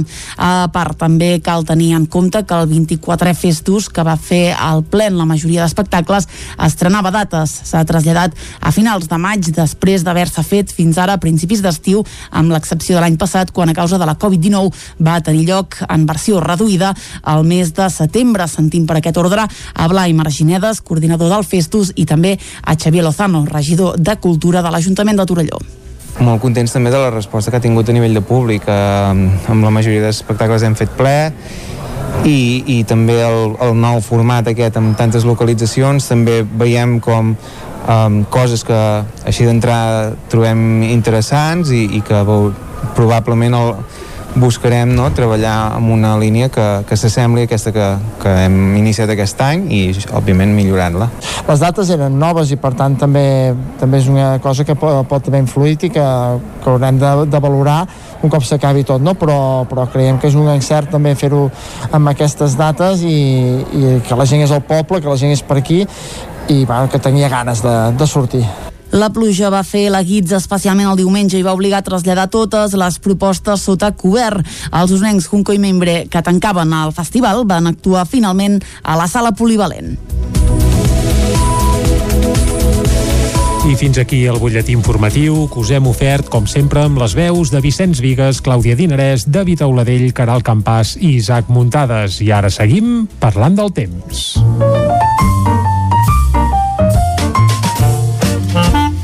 Casa Terradellos us ofereix el temps. I per saber el temps que ens espera per avui, saludem de seguida en Pep Acosta. Bon dia, Pep. Hola, molt bon dia. Molt bon dia. Benvinguts a l'Espai del Temps. Gràcies. Amics oients, amics que fan possible el programa. Gràcies, gràcies. Què tal esteu? Va, bé, Com bé, ha però- començat aquest mes de juny? Bé. El juny és el mes amb més hores de, de sol de l'any, Mhm. amb més insolació de tot l'any, i comença eh, bastant tranquil. bueno, vaig a pams, vaig a pams. Va. És bastant tranquil, hem passat una nit ja força suau, per sobre dels 10 graus a moltes zones, fins i tot per sobre dels 15 a les zones més càlides del peritoral i només per sobre dels 10 graus a les zones de més alta muntanya. Es va escalfant la superfície terrestre, el sol terrestre es va escalfant, això fa que la temperatura mínima ja no pugui baixar gaire, eh? Uh, uh, cada hi ha més escalfor i això fa que, clar, les mínimes ja no puguin baixar. A més, hi ha poques hores de foscor i això també contribueix a que la temperatura mínima cada vegada eh, sigui més alta. Eh, hem tingut alguns núvols, hi ha alguns núvols, eh, hi ha hagut tempestes que plous a Catalunya, però a la nostra zona no, a les nostres comarques no ha plogut durant aquesta nit, tot i que sí que hi ha eh, forces núvols. Durant el dia d'avui, els núvols s'incrementaran i de cara a la tarda començaran a créixer tempestes cap a la zona del Pirineu. No seran tempestes molt importants avui a les nostres comarques, eh? Les tempestes més importants avui quedaran a l'oest de Catalunya. Eh, nosaltres estarem una mica eh, eh, a la zona eh, més oriental i per tant no ens afectarà el gruix de les tempestes. Tot i així, en pot caure alguna a darrera hora una mica més important cap al Pirineu. Eh, cap al prelitoral interior seran més modestes, jo crec que entre els 5 i els 10 litres. Sí que al Pirineu es poden superar els 10 o 15 litres puntualment i en algun lloc poder fins i tot més de 15 litres localment algun xàfec pot ser bastant important. Però ja dic que avançada a la tarda nit no serà durant la tarda sinó que serà avançada a la tarda nit. Les temperatures molt semblants a les d'ahir les màximes voltaran eh, els, entre els 20 i els 25 graus de majoria. Eh, com podeu observar les temperatures estan més contingudes eh? el cap de setmana sí que van pujar moltíssim sobretot dissabte, però aquesta setmana estaran eh, molt més a ratlla, molt més de les habituals per l'època de l'any. Ahir també plou una mica cap al Pirineu, eh, uns 10 litres a Núria, també 5-6 a Vilater, Uh, jo crec que avui més o menys plourà el mateix. Es van acumulant litres en aquella zona, que és molt important, allà és on creixen els grans rius uh, catalans, i, i això està bé, eh, que, creixi, que plogui perdó, en aquelles zones, està bé, però aquesta pluja s'hauria de estendre a més llocs. I ja dic, no sembla que avui sigui un gran dia per, per, per ploure molt molt en, en aquestes zones. Els vents, els vents bufaran de, de sud, direcció sud, seran eh, febles al matí, algun cop moderat de cara a la tarda, sobretot el litoral, algun cop moderat de 40-50 km per hora. I això és tot, a disfrutar del dia d'avui, -hmm. Al matí, núvol sense pluja, a la tarda que seran les nuvolades i tindrem alguna tempesta, que a la nit pot ser una mica forta cap a la zona del Pirineu. Moltes gràcies i que tingueu un molt bon inici de mes. Adéu, fins demà. Moltes gràcies a tu, Pep, salut, i nosaltres ara anem cap al quiosc. Casa Tarradellas us ha ofert aquest espai. Territori 17 Arriba el moment de fer una ullada al que treuen en portada els diaris d'avui. Clàudia. Molt bon dia de nou. Comencem, com sempre, amb les portades catalanes, amb el punt avui que diu Sánchez mou peça. El president del govern espanyol assumeix el resultat de concedir els indults. El veritable cos seria deixar les coses enquistades, diu, sobre l'efecte polític. A la imatge front comú per la gestió de l'aigua. Ajuntaments d'arreu del país revelen pressions de les empreses per retenir el servei. I una molt bona notícia, un dia sense cap mort per Covid-19. Primera jornada sense víctimes des del juliol passat gràcies a la campanya de vacunació i al gran descens dels ingressos hospitalaris. Anem al diari ara que diu la mortalitat per Covid a mínims. El nombre de víctimes cau un 90% en 5 mesos i se situa a nivells del juliol de l'estiu passat. Simon obre la porta a permetre als vacunats a prescindir de la mascareta a l'aire lliure a finals de juny. A la imatge ple a les platges angleses i sense mascareta. El Marroc acusa Espanya de no tornar-li els favors del procés, el compara amb el conflicte saharaui i retreu al govern espanyol que no li doni suport. I en esports el Barça fitxa el Kun Agüero per dos anys i avui presenta a Eric Garcia. Anem al periòdico que diu l'ampliació de l'aeroport serà rendible a partir del tercer any. Les empreses pressionen per tirar endavant el pla d'inversions per les instal·lacions del Prat. A la imatge Sánchez posa ferms rabat. El president tilla d'inacceptable la sal a les fronteres de Ceuta en rèplica al Marroc, que vincula el conflicte amb el procés. I com veiem fa un moment, Simón afirma que la mascareta deixarà de ser necessària a l'aire lliure al juny o al juliol.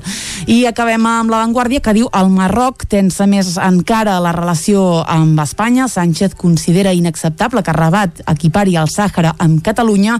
Casado anirà a la concentració de Colón, tot i que hi coincideixi amb Vox. A la imatge la Xina s'apunta a la família nombrosa. Aquest any el món creixerà al ritme més alt des de l'any 1973, segons l'OCDE, i alerta la tarifa elèctrica es dispara en plena reforma del rebut. Anem a Madrid, a veure què treuen en portada els seus diaris. Anem al país que diu Marroc irrita la crisi a l'equiparar Catalunya amb el Sàhara. Com veiem fa un moment, Casado anirà a la protesta pels indults, però evitarà la foto amb Vox. A la imatge aquí veiem és Ivan Duque, president de Colòmbia, de Colòmbia que diu que no permetrà que ningú desagni a Colòmbia i eh, parlen d'un col·legi religiós de Vigo amb quatre pedrastes. Diu, vuit alum exalumnes relaten els abusos i la violència sistemàtica de fa 60 anys.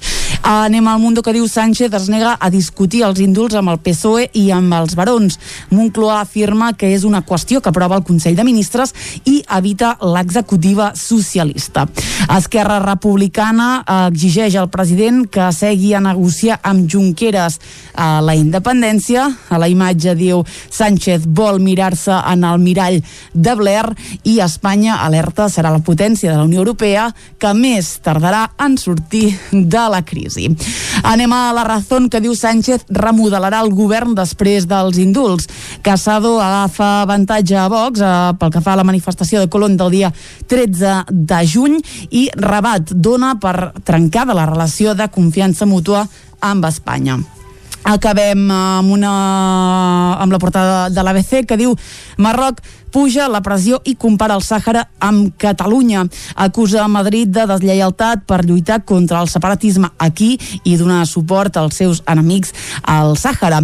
Sánchez, per la seva banda, tilla d'inacceptable que Rabat ataqui la nostra frontera per una discrepància diplomàtica. No es posen d'acord els eh, diaris avui arran d'aquest conflicte entre Espanya i el Marroc, la Vanguardia diu que el Marroc tensa més encara aquesta relació amb Espanya, el país que l'equipara amb Catalunya, l'ABC també, que ho compara amb Catalunya. En canvi, si mirem la portada del periòdico, el que diuen és que Sánchez posa ferms rabat i el veiem aquí passant revista a les tropes en aquesta eh, cimera que hi va haver a Alcalà de Henares amb eh, Polònia. Avui és un dia també per fer una ullada al que diuen els diaris esportius amb ocasió doncs, el fitxatge de, del Kun Agüero que es va presentar ahir com a nou jugador del Barça, primer fitxatge de l'era a la porta, Killer Kun és el titular de Mundo Deportivo, Kun Culé, Agüero primer fitxatge de l'era a la porta a l'esport i més que un club a l'esportiu un eh, titular doncs, ben, ben trobat sobre la incorporació d'aquest eh, jugador al Barça mentre que els diaris eh, esportius de Madrid doncs, furguen en la ferida entre eh, Florentino Pérez i Zinedine Zidane que ha decidit eh, renunciar l'any de contracte que li quedava com a entrenador blanc. Hem fet un repàs a les portades dels diaris eh, d'avui i posem aquí el punt i final a aquest bloc informatiu. Doncs bé, eh, tanquem el bloc informatiu parlant d'aquestes portades que deies d'esports. Uh -huh. eh, cal dir que el ve gratis, és a dir, sí, clar, senyor. fitxes un, entre cometes, un iaio, però, però què, tal com estan les finances i les arques a Can Barça, doncs tampoc es poden fer gaires miracles, per tant... És si el això... que s'ha de fer, no? I Amèric Garcia també. Correcte, i si això serveix per retenir Messi, doncs ja mates dos pardals d'un tret i tot. Sí, senyor. Per tant... Uh... La clau en el plantejament del futur esportiu del Barça és aquesta, no? Uh, retenir Messi i a partir d'aquí, doncs, uh, decidir qui és el que ha de dirigir aquest equip la temporada que ve. Bé, això no és una tertúlia esportiva, però deixi'm dir que el Barça no es pot permetre allò de va, fem dos, tres anys de transició, apostem per un equip jove, clar, això ho sap prou bé la porta, l'any que ve el Barça se li exigirà tot, i per tant potser també està bé tenir algun veterà amb ganes de, de portar la samarreta blaugrana. Bé, ja es veurà, va. Escolta, uh, de moment aquest any ja ha caigut un títol que d'altres han passat la temporada en blanc. I mai tan ben dit. I aquests sí que es queden sense entrenador perquè ja, ja es fa fora ell mateix gairebé. Uh, ben curiós pitjor, ben curiós, sí, sí. exacte.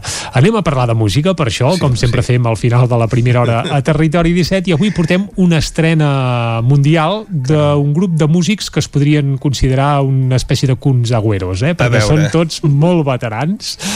Es diuen supervivents i fan honor al seu nom. Uh -huh. uh, el seu líder i cantant és el Jordi Comerma, també cantautor, té una carrera pròpia, havia estat amb 50.000 bandes uh -huh. i és qui lidera els supervivents. Té més de 50 anys ja, per tant, home, diguem que supera fins i tot el Kun Agüero, però si ens assenyim en l'òrbita musical, doncs sí, podríem sí. dir que és això, un supervivent i uh, va acompanyat d'una banda de tots són també ronden la cinquantena i algun més i tot, eh? per tant diguem que són un grup de, de molt i molt veterans, però encara no han tret mai cap disc.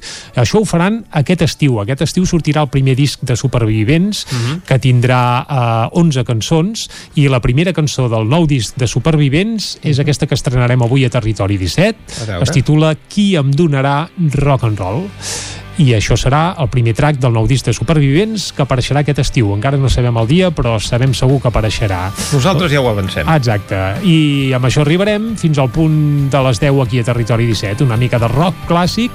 Uh, Kun Agüero, diguem-ne. Va, segur que li molaria el Kun. Oh, tant. Vinga, fins ara. Tornem a les 10 a Territori 17. Envolta, sembla que ja no ens mourà ja no ens podem sentir lleugers, no tant com ho érem abans. Fes que tot sembli de veritat, decidim que cal salvar. Rituals que arranquen sempre confessions brutals.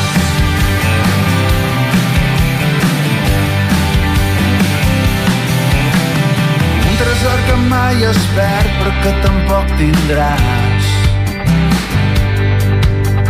Sempre quedaran misteris, cartes per marcar. Estimar sempre és incert, la vida crema sota els peus. Ja saps que no tindrem descans. Quan el tren arranqui, no sabrem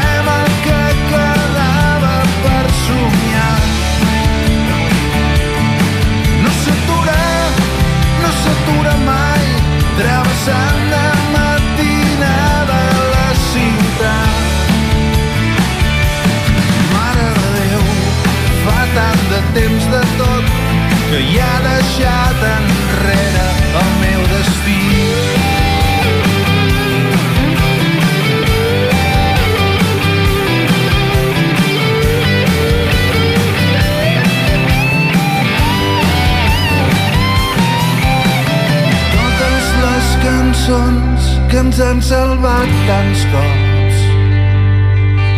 Recorden a quins llocs vàrem deixar-hi el cor. Mm, pell de gallina, portes obertes, sèrie coberta, si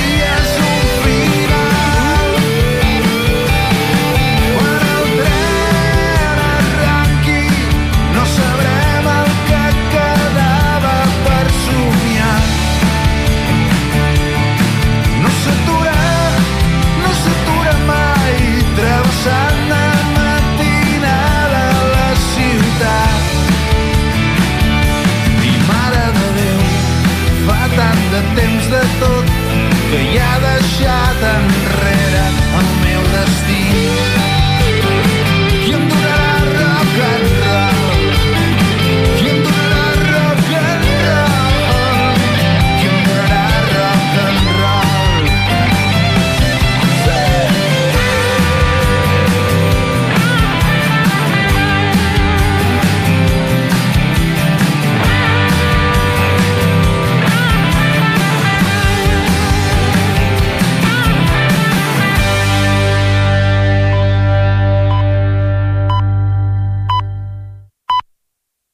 la informació de les nostres comarques, les comarques del Ripollès, Osona, el Moianès i el Vallès Oriental.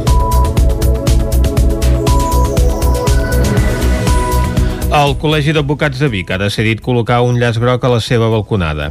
La decisió va venir després d'una votació que es va fer en una Junta General Extraordinària i va comptar amb el suport d'un 76% dels votants. El llaç groc llueix des de fa una setmana al balcó del Col·legi d'Advocats de Vic. La decisió de col·locar el símbol a la balconada es va prendre en una inèdita Junta General Extraordinària que es va celebrar el passat 19 de maig a l'Auditori del Sucre de Vic. Hi van participar 37 persones. Rogeli Montoliu és el degat del Col·legi d'Advocats de Vic. Finalment, el resultat de la votació, que va ser molt participada, va ser que sí, els col·legiats i les col·legiades van votar en quasi un 76% dels vots a favor de que es pengés el llaç groc i en un 24% en el sentit de que no es pengés el llaç groc. És cert que costa molt en els col·legis, en les associacions, en general, moure els col·lectius, però eh, no es recorda una junta general, una reunió tan concorreguda com la que vàrem celebrar el passat dia 19 de maig. En la votació també es va decidir col·locar un llaç groc a la web del col·legi. Segons el degà, la seva presència no s'ha d'associar al procés independentista, sinó a un símbol dels drets i llibertats. Què suposa aquest llaç groc? Aquest llaç groc suposa una reivindicació dels drets humans, de la defensa dels drets humans, que és una de les finalitats que té el col·legi. El llaç groc s'hi ha col·locat de manera indefinida segons Montoliu. Quan sigui el moment també s'haurà de fer una votació per retirar-lo. El grup municipal d'ERC a Sant Joan de les Abadeses demana fer un pla d'habitatge per solucionar els problemes que té el poble en aquesta matèria. Isaac Muntades, des de la veu de Sant Joan. Els problemes d'habitatge de Sant Joan de les Abadeses van ser el motiu de debat en el darrer ple del municipi. El porteu del grup d'Esquerra Republicana de Catalunya, Sergi Albric, va exposar que la vila Sant Joanina té molts habitatges buits i en mal estat i no només a la Vila Vella, sinó en altres punts del poble, com a la zona de l'Eixample, del Passeig i a l'Avinguda Comte Guifré. Per aquest motiu, el regidor republicà va sol·licitar que es fes una radiografia vehiculada a través d'un pla d'habitatge per identificar i censar aquests pisos buits per tal d'oferir-los a famílies joves i gent gran. El Bric va apuntar que calia anar més enllà de les possibles subvencions que es poguessin aconseguir. A més, va considerar que les accions que s'han fet darrerament en aquesta matèria estaven bé, però no han anat més enllà. Fa dos anys es va fer una campanya que era de, la, de venir a viure a Sant Joan, es donava un carnet als nous santjoanins que volguessin assistir a les uh, temes culturals que es volguessin fer. Vull dir, es va fer aquella, aquella acció, aquella acció va estar bé, però no s'ha sabut mai més res i per tant, si volem que vingui a viure gent a Sant Joan, hem de poder oferir habitatge i més enllà de les accions que s'han fet a nivell urbanístic doncs, per modificar algunes parcel·les de la Cormina del Bac, doncs, per oferir habitatges i tipologies de cases que no s'oferien, que això evidentment va estar bé i, i, vam ser al seu costat. Sí que quan parlem d'habitatge crec que és important que més enllà de subvencions fem alguna iniciativa doncs, per recuperar tot aquest patrimoni que és Sant Joan i que és preocupant la degradació de molts dels habitatges doncs, que tenim a Sant Joan i que podríem trobar un, un ús. L'alcalde de Moviment d'Esquerra, Ramon Roquer, va argumentar que es treballa de forma permanent amb els propietaris i que recentment s'han publicat unes subvencions per promoure habitatge protegit que ja s'han fet arribar a inversors i promotors. Al plenari també es va aprovar per unanimitat unanimitat dedicar una partida de 6.690 euros per fer un estudi de viabilitat per un projecte d'habitatge cooperatiu en sessió d'ús a la colònia Lleudet. Roquer va insistir en que totes les finques tenen uns problemes concrets i que la crisi econòmica ha influït negativament en el tema de l'habitatge. L'habitatge ha tingut aquests últims anys un problema de la crisi, la crisi econòmica que ha fet que, que no hi ha referents eh, i referents en quant a, en quant a preu, no? en aquells preus òptims i, i per tant hi ha hagut molt desconcert entre possibles venedors, possibles compradors i hem estat uns anys que pràcticament diguem que les inversions, els números no sortien en l'habitatge, eh? per tant és a dir, hi ha hagut una paràlisi en quant a la rehabilitació i impuls de l'habitatge a tot arreu, en pobles que a l'interior més, però bàsicament per un problema greu que no pot solucionar l'Ajuntament era, que- i és que els números de les promocions d'habitatge surtin i siguin suficientment rentables per poder entomar aquestes promocions. Esquerra va recordar que des del 2012 estan demanant que es faci una borsa d'habitatge per gent gran i jove. Roquer va contestar-li que en el seu moment es va fer la promoció de la Vila Icària, la rehabilitació de la colònia Espona, les promocions d'habitatge protegit a l'edifici Montserrat i a darrere la Coromina del Bac. El ple municipal de Caldes de Montbui aprova per unanimitat una moció per recuperar el patrimoni incautat pel franquisme. Caral Campàs, des d'Ona Codinenca. L'últim ple municipal de Caldes va aprovar una moció llargament reivindicada. El consistori encapçalarà una recerca amb l'objectiu que les associacions de Caldes recuperin el patrimoni que els va ser incautat pel franquisme. La moció que es va aprovar amb tots els vots a favor, excepte l'abstenció del PP, va ser proposada per Esquerra, el PSC, la CUP i Junts a petició del Centre Ateneu Democràtic i Progressista. Amb l'acord, el consistori impulsarà l'estudi i l'avaluació de tots els casos d'incautament i confiscació que es van produir en l'associacionisme local. A més, l'Ajuntament de Caldes, com hereu del que va executar aquest espoli, admet formalment la culpabilitat de l'administració local en aquests fets i per això es personarà davant de la Generalitat i l'Estat per defensar els interessos i reclamacions de les entitats. El consistori també es compromet a demanar a les administracions catalana i estatal les reparacions que consideri necessàries i reclamarà que es restitueixin tots els béns de contingut patrimonial incautats, especialment els de caire econòmic. La regidora de Patrimoni i Memòria Local, Carme Germà, va celebrar amb entusiasme la moció. La proposta parla d'un estudi que estarem encantats d'impulsar i que pretenem que faci d'eix central de totes les decisions que s'hagin de prendre per cal de fer de Caldes un municipi lliure de qualsevol tirania. Ens comprometem, doncs, a impulsar tots els acords que proposa la moció i a treballar-hi fermament. En tot allò que calgui rescabalar per tal de lluitar contra la repressió franquista ens hi trobareu sempre. La moció es va presentar a petició de l'Ateneu al centre principal víctima d'aquest espoli, així que es va instaurar el primer Ajuntament franquista el 1939. L'Ajuntament franquista de Caldes va incautar al centre documentació, diners i també patrimoni. L'equip Aldeatec de Tenerife es va proclamar dissabte guanyador de la tercera edició de la First Tech Challenge de la Universitat de Vic, Universitat Central de Catalunya. La competició es va adaptar a les mesures Covid i es va fer en format híbrid des de l'empresa Girbau de Vic, principal col·laborador del torneig. L'equip Aldeatec de Tenerife es proclamava dissabte vencedor de la tercera edició de la First Tech Challenge de la Universitat de Vic, una competició que enguany es va desplegar en tres sales de YouTube i que es va retransmetre des de les instal·lacions de l'empresa Girbau de Vic. Els Powered by Redstone, un equip de la República Txeca i els Tex Integra de Tenerife van completar el podi amb la segona i la tercera posició. Els equips formats per joves d'entre 16 i 20 anys es van haver d'enfrontar al joc del robot i a l'exposició del projecte davant del jurat. El rector de la Universitat, Josep Aladibaños, destacava l'oportunitat de fomentar vocacions en ciència i tecnologia que suposa una competició com aquesta.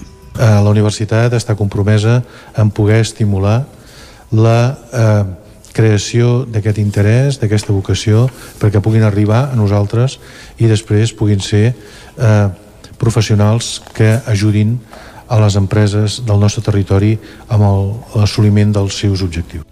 Per Mercè Girbau, presidenta i consellera delegada de Girbau, el talent dels participants de la First Take Challenge s'ha de tenir en compte com a pedrera de futurs professionals de l'empresa. Precisament col- col·laborar en aquest programa també en, ens, eh, ens agrada molt perquè ajudem a fomentar aquestes vocacions. No? Per nosaltres és clau i, com deies, també les joves. Eh? Eh, ens costa molt trobar noies amb aquest perfil i veiem que des d'aquest programa les noies participen des de molt joves. Per tant, va, és, és una, una nova manera d'apropar-se en aquest món tecnològic i científic. Enguany només hi van prendre part dos equips catalans, els FEDAC Wolviners de Girona, que van obtenir el Premi Control Award, i el Team Lluny de Granollers, que va guanyar el Connect Award. El barri del carrer de la Riera de Vic va poder celebrar la seva festa major aquest cap de setmana, tot i les restriccions per la Covid. Els gegants del carrer de la Riera van ser els grans protagonistes de les festes. Divendres amb una cercavila i dissabte amb una trobada gegantera que va servir per retre homenatge al difunt Joan Comas, un dels geganters històrics del barri. El concert de folk dels elements i l'emotiu pregó via streaming de l'exconseller de Cultura Lluís Puig, exiliat a Bèlgica, van tenir molt bona acceptació divendres, juntament amb la xocolatada, els tallers de manualitats i el vermut musical de diumenge. Esports.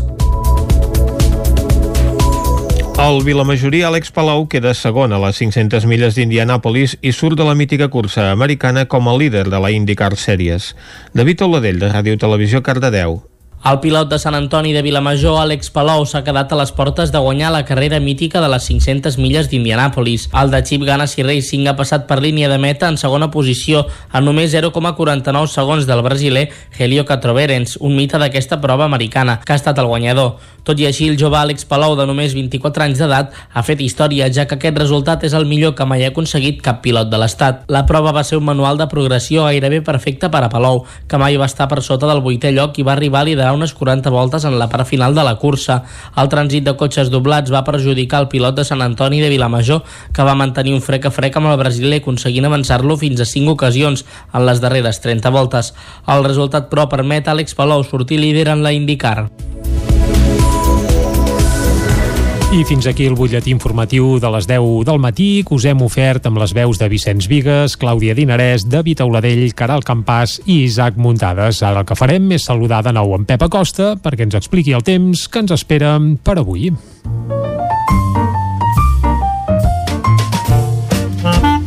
Casa Terradellos us ofereix el temps. Doncs en Pep Acosta, que ja l'hem sentit a primera hora aquí a Territori 17. Avui recordem que acabarem també parlant de meteorologia amb en Manel Dot, amb qui farem balanç del mes de maig. Això serà la part final del programa, però ara el que volem és saber el temps que ens espera per avui. Va, Pep, bon dia. Hola, molt bon dia. I molt bona hora. Durant el dia d'avui, els núvols s'incrementaran i de cara a la tarda començaran a créixer tempestes cap a la zona del Pirineu.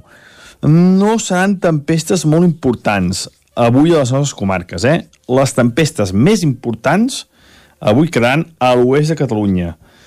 Eh, nosaltres estarem una mica eh, eh, a la zona eh, més oriental i per tant no ens afectarà el gruix de les tempestes. Tot i així, en pot caure alguna a darrera hora una mica més important cap al Pirineu. Eh, cap al prelitoral i interior seran més modestes, jo crec que entre els 5 i els 10 litres. Sí que al Pirineu es poden superar els 10 o 15 litres puntualment. I en algun lloc poder fins i tot més de 15 litres, localment algun xàfec pot ser bastant important, però ja dic que avançada la tarda nit. No serà durant la tarda, sinó que serà avançada la tarda nit. Les temperatures molt semblants a les d'ahir, les màximes. Voltaran els, entre els 20 i els 25 graus de majoria.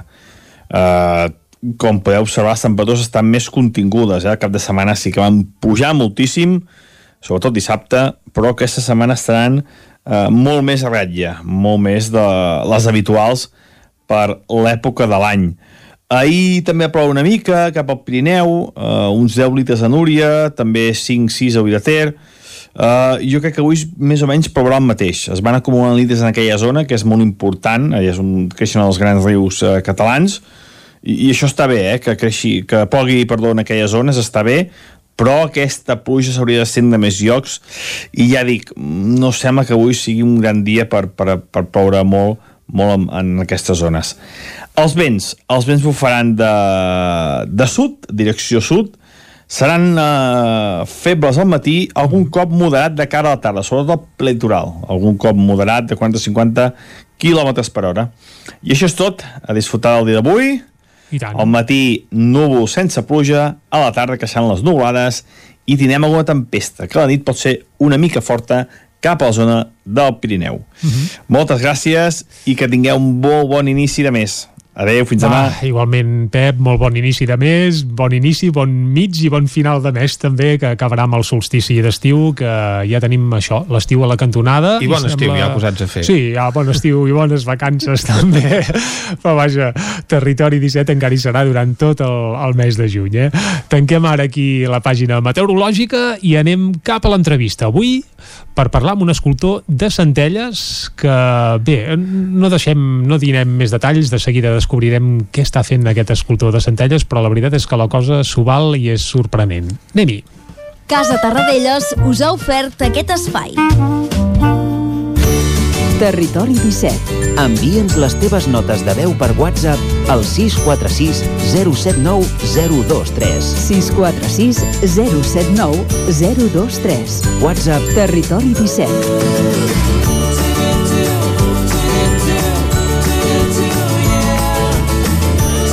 Territori 17. Som a Facebook, Twitter i Instagram amb l'usuari Territori 17.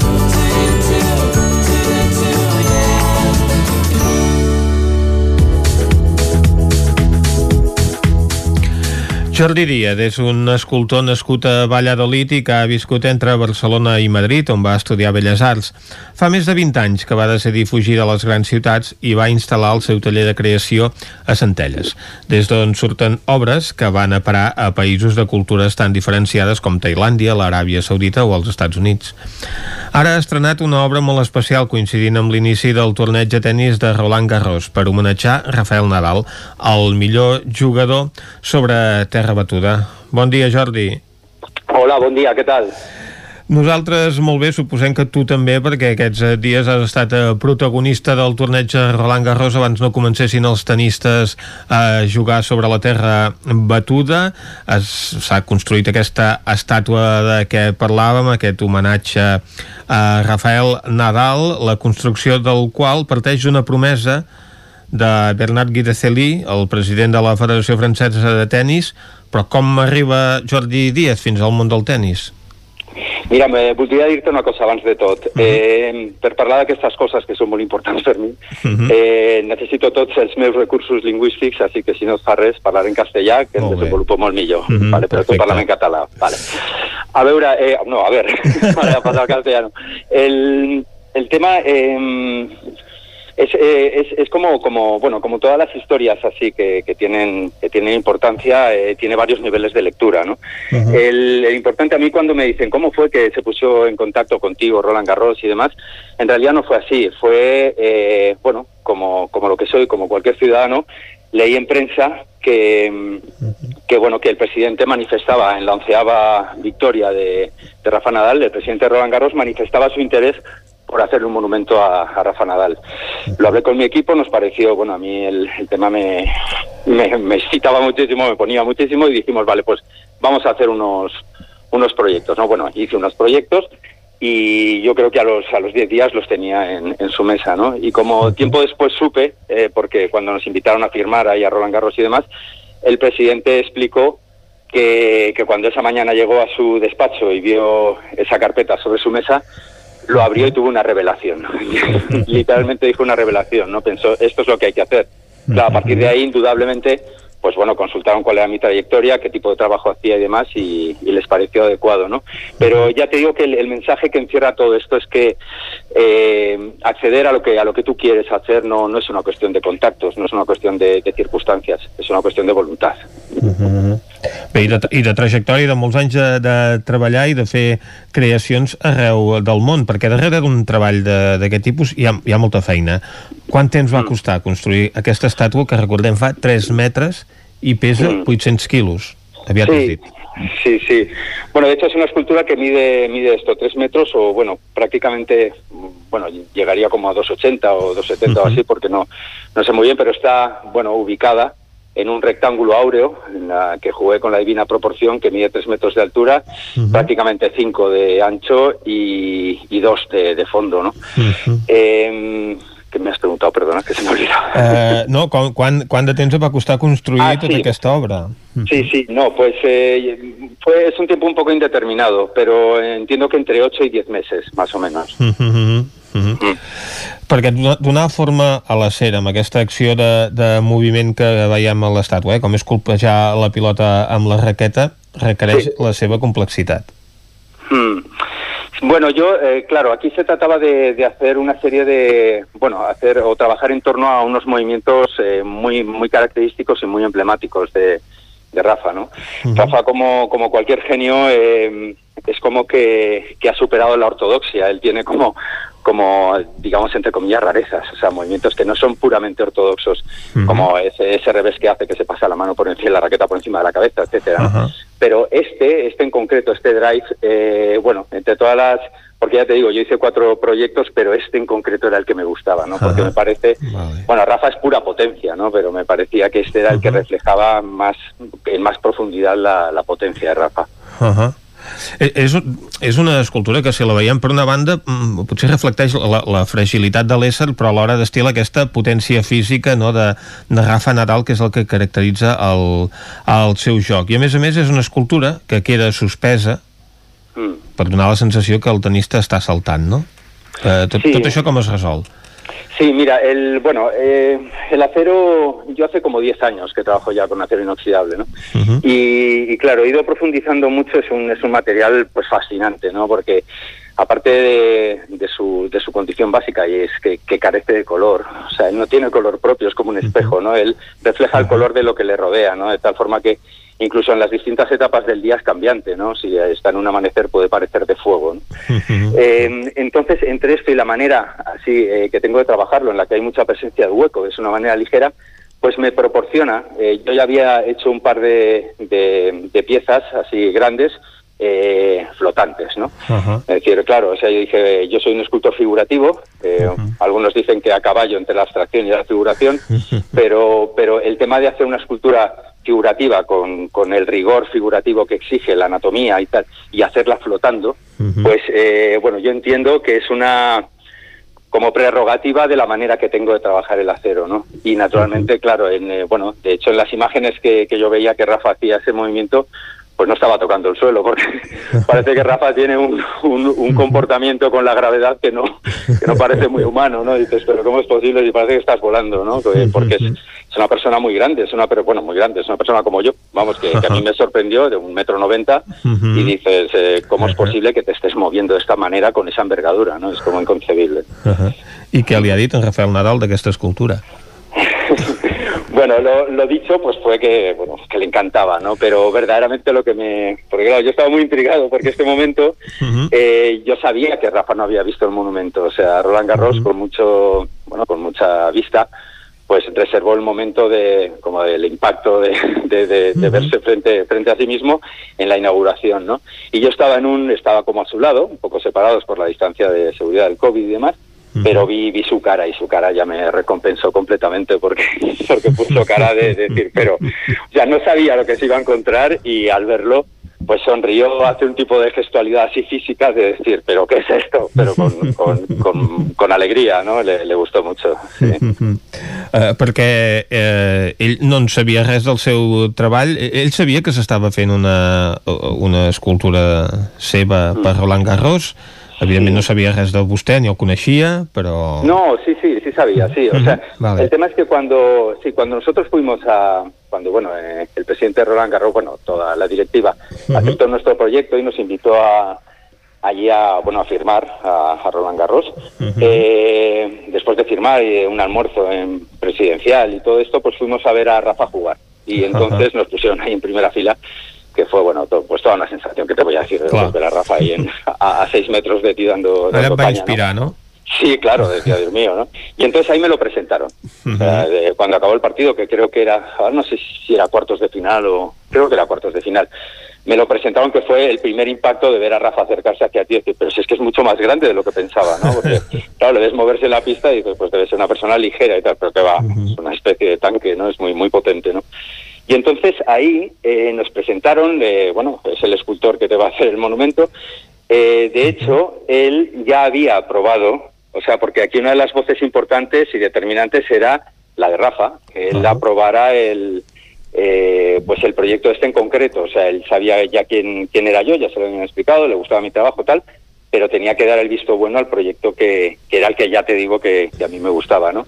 Entonces, después de conocernos ahí, eh, quedamos en Palma de Mallorca como 10 días después y fui con parte de mi equipo a, pues a tomarle medidas, a, a trabajar la postura, a hacerle un vaciado de las manos en, en escayola que me traje porque tenían que ser exactamente las manos de Rafa, que son muy muy concretas, muy potentes también, y, a, y a sacarle una bueno una sesión de fotos pero exhaustiva, ¿no? Yo creo que hicimos 200 fotos de la misma posición, desde diferentes puntos de vista y demás.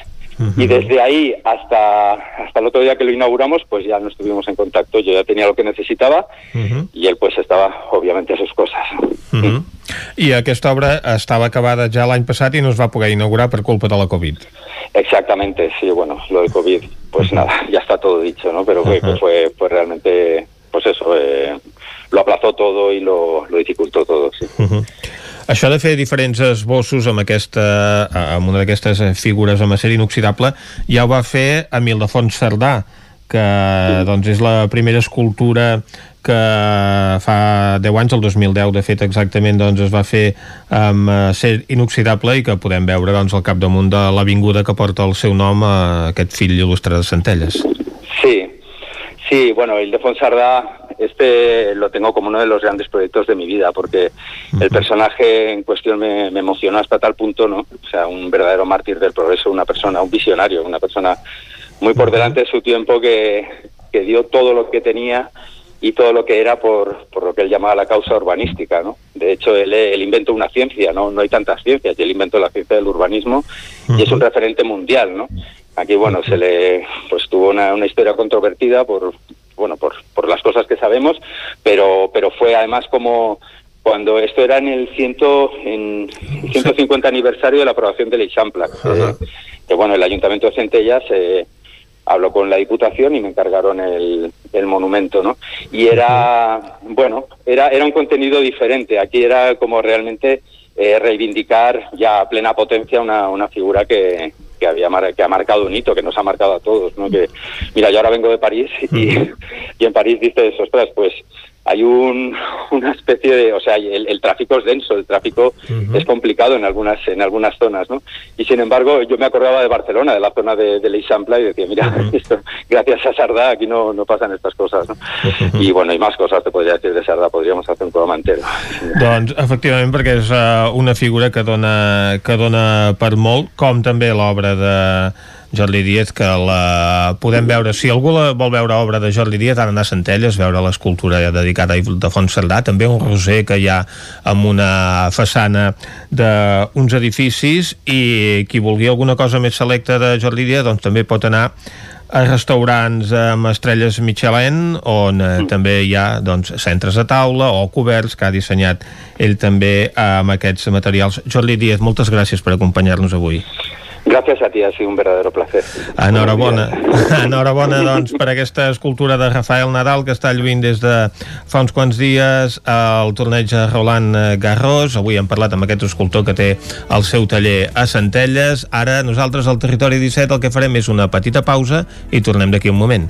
Exacte, a dos quarts en punt tornem al peu del canó aquí Territori 17 i ho farem amb piulades, amb l'Isaac Moreno. Fins ara.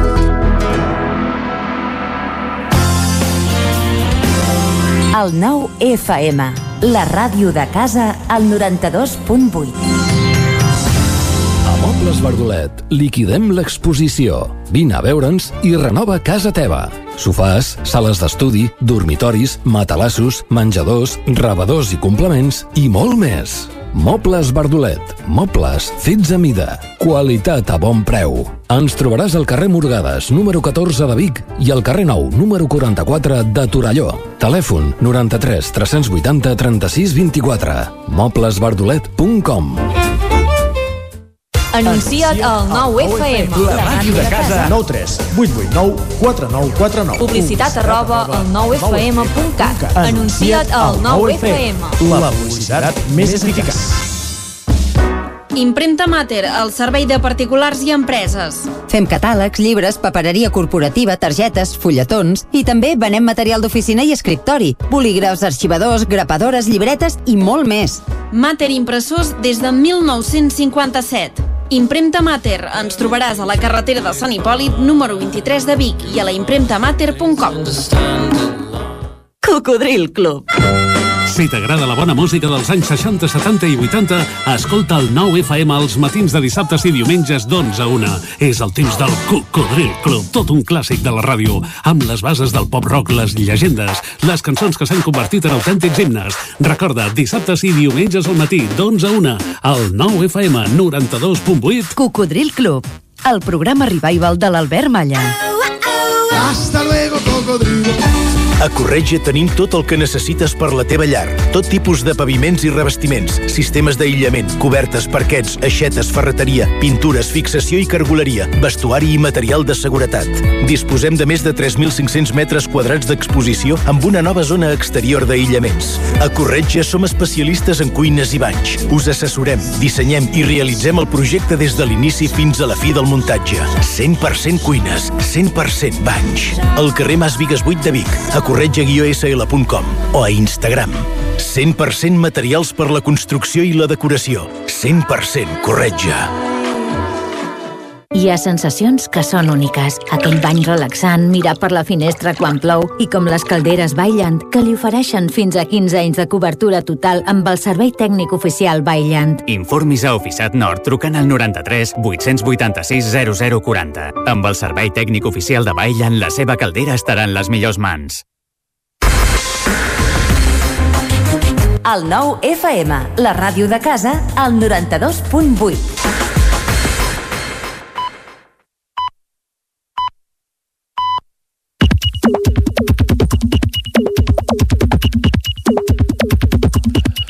Són dos quarts onze, el territori 17 és el moment de fer una ullada als continguts eh, digitals i comencem amb les portades del 99.cat. Correcte, doncs va, repassem primer l'edició vermella, la d'Osona i el Ripollès, que obre explicant que Santa Eugènia de Berga planteja a curt termini una reforma en profunditat del polígon industrial. Recordem que és aquell polèmic polígon on hi ha eh, l'escorxador d'Explaça, per exemple, o on sovint hi ha mal de cap, sobretot pel que fa a la circulació de vehicles pesats, ja que també hi ha eh, una zona amb nuclis d'habitatges unifamiliars i sempre hi ha una mica de conflicte pel que fa a la circulació a Santa Eugènia de Berga.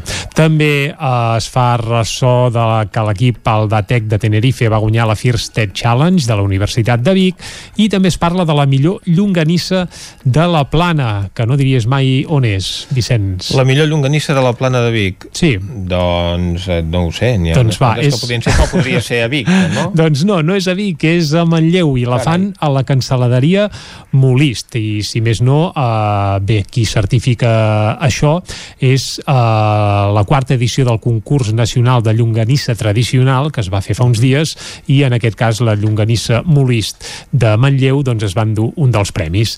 Eh, un altre dels titulars que apareix al 99.cat és que Oques Grasses convida a viure. Recordem que divendres passat eh, va sortir el nou disc d'Oques Grasses i que ja el podeu fitxar. Això sí, si trobeu una botiga de discos on comprar-lo, perquè això avui dia gairebé és un miracle. Anem ara, si et sembla, cap a l'edició del Vallès Oriental, l'edició verda. verda, cobra, explicant que el punt de vacunació massiu del Palau d'Esports de Granollers obre precisament avui, aquest dimarts. Per tant, uh, gent del Vallès Oriental que, que li toqui vaccinar-se, doncs ho podrà fer al Palau d'Esports de Granollers. També s'explica que el Consell Comarcal convoca la segona edició del Premi Talent Jove del Vallès Oriental i que el Mercat Ambulant de Cardedeu retornarà a l'emplaçament habitual a partir del dia 7 de juny, és a dir, el mateix que es va fer ja amb el Mercat de Granollers, que també s'havia traslladat arran de les mesures Covid, doncs també passarà a Cardedeu, que a partir això del dia 7 de juny tornarà a l'emplaçament que havia set habitual, diguem-ne que allò de, de tota la vida. Per tant, torna a la normalitat al Mercat de Cardedeu, com ja va passar fa uns dies també al Mercat de Granollers. Uh -huh. Doncs els mercats que van recuperant la normalitat i eh, la gent pot continuar fent les seves compres de la forma més habitual que estaven acostumats després de que hagi millorat aquesta situació sanitària. Ah, exacte. Doncs hem fet un repàs a les portades del 99.cat, tant de les edicions d'Osona i el Ripollès com de l'edició del Vallès Oriental. Ara hauríem d'anar cap a la taula mm, de redacció. Uh, ens hi capbussem.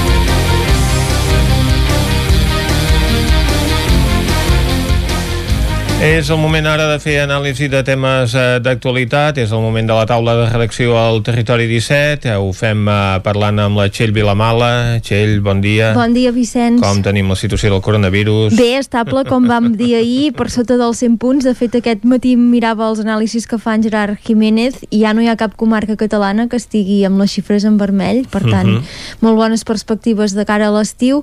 I tant. I avui som aquí a la taula de redacció per explicar que el vestíbul de l'Hospital Universitari de Vic aquest dilluns uh -huh. uh, s'hi va, un, va inaugurar una obra de l'artista torellonenca Anna Dot que precisament vol ser un homenatge a l'esforç que han fet els sanitaris uh -huh. durant aquest any ja llarg de pandèmia però també l'esforç que han fet els ciutadans per complir les mesures de prevenció uh, contra la Covid-19 uh -huh. uh, de fet que s'hagi inaugurat aquesta obra a l'Hospital de Vic no és extraordinari perquè s'ha fet als quatre hospitals deguts de la regió, uh, regió sanitària Catalunya Central per tant uh -huh. també a Manresa Manresa eh, i Igualada i el que es vol fer és això, eh, com dèiem eh, reconèixer l'esforç comunitari eh, davant del coronavirus.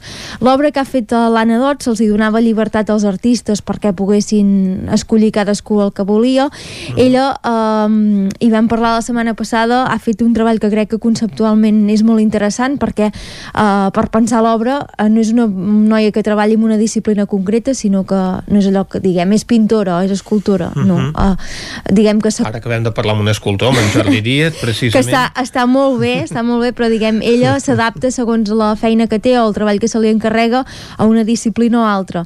Què va fer en el cas d'aquesta obra a l'Hospital Universitari de Vic? Uh, doncs uh, va anar a passar tot un dia sencer, uh -huh. uh, un matí i una tarda, perdó, de dos dies diferents, al vestíbul de l'hospital i a fixar-se en què hi passava, uh, uh -huh. quina gent hi transitava, cap on anaven, a quins horaris hi havia més gent o menys gent, uh, qui, a quins sorolls se sentien, no? si sonaven molt els telèfons, si pel contrari era més rebombori de veus, uh, on esperava la gent a xerrar, on hi havia les zones d'espera, uh, què es deia la gent que hi havia al vestíbul, i amb, aquest, diguem, amb aquesta prospecció, prospecció sobre el terreny, aquest treball de camp, uh -huh. es va donar que al vestíbul de l'Hospital Universitari de Vic hi ha molta corrent d'aire uh, per les portes que hi ha a l'entrada. Com que està allà dalt enfilat. es va donar això, que hi havia molta corrent d'aire i de seguida, o ella va saber trobar-hi el paral·lelisme uh -huh. amb la respiració humana, que és precisament uh, uh -huh. el que ha patit de valent a causa del coronavirus.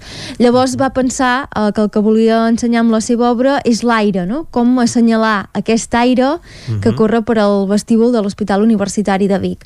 I llavors el que li va venir al cap van ser les banderoles tibetanes, les típiques uh -huh. uh, que veiem, per exemple, a l'Everest o en muntanyes d'aquest estil que acostumen a ser de diversos colors. Que són oracions. Per que són, exacte, uh, de fet és això, són oracions, hi han uns cavalls alats estampats també a dins de les banderoles que el que simbòlicament fan és amb el vent escampar aquests missatges que hi ha en les oracions. Doncs ella va agafar exactament aquesta mateixa idea però la va, diguem, personalitzar uh, i el que va demanar amb els sanitaris en una altra visita també a l'Hospital Universitari uh -huh. és que escrivissin missatges, missatges per la gent, que són els que després uh -huh. ella ha estampat en aquestes banderoles. Uh -huh. Ho ha volgut conservar tot, a part del missatge també la grafia, de manera crec que el que va fer va ser anar a un estudi aquí al carrer de la Riera perquè li fessin una plantilla uh, serogràfica, em sembla que es diu, uh -huh. i l'ha anat estampant amb diferents missatges a les banderoles. Llavors, des d'ahir, aquestes banderoles ja estan col·locades al vestíbul de l'Hospital Universitari, però no de tipus festiu, és a dir, no ens hem d'imaginar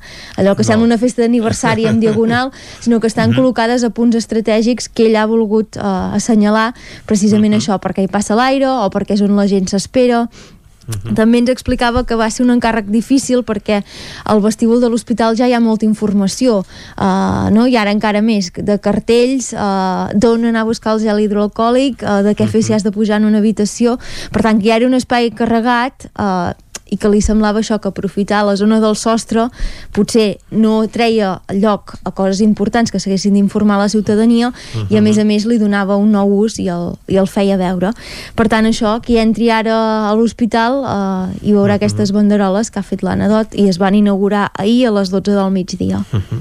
Molt bé, doncs ho tindrem eh, present totes les visites que puguin a l'hospital de veure aquesta eh, aquesta performance doncs, de solidaritat amb tots els professionals sanitaris. Canviem de temàtica amb la Dolors Altarriba. Bon dia, Dolors. Hola, bon dia. La Dolors ja té punt als fons Next Generation. No, jo no. Tu no? Doncs algú, algú altre els deu tenir punts, eh? Perquè sembla, de doncs moment sembla cap. que estiguin al núvol, eh? De moment estan sí, al núvol, ja exacte. veurem. Ja Se'n parla molt, però es veu molt poc. Com arriben i tot plegat. Això serà com Mr. Marshall. Exacte. No, el que passa és que aquests d'aquests fons, diguem-ne, hi ha una previsió d'uns 83 milions, a Catalunya, d'uns 83 milions d'euros per projectes de, de tractament tractaments de, de dejeccions ramaderes i de millores a, a les granges, que és una de les coses uh -huh.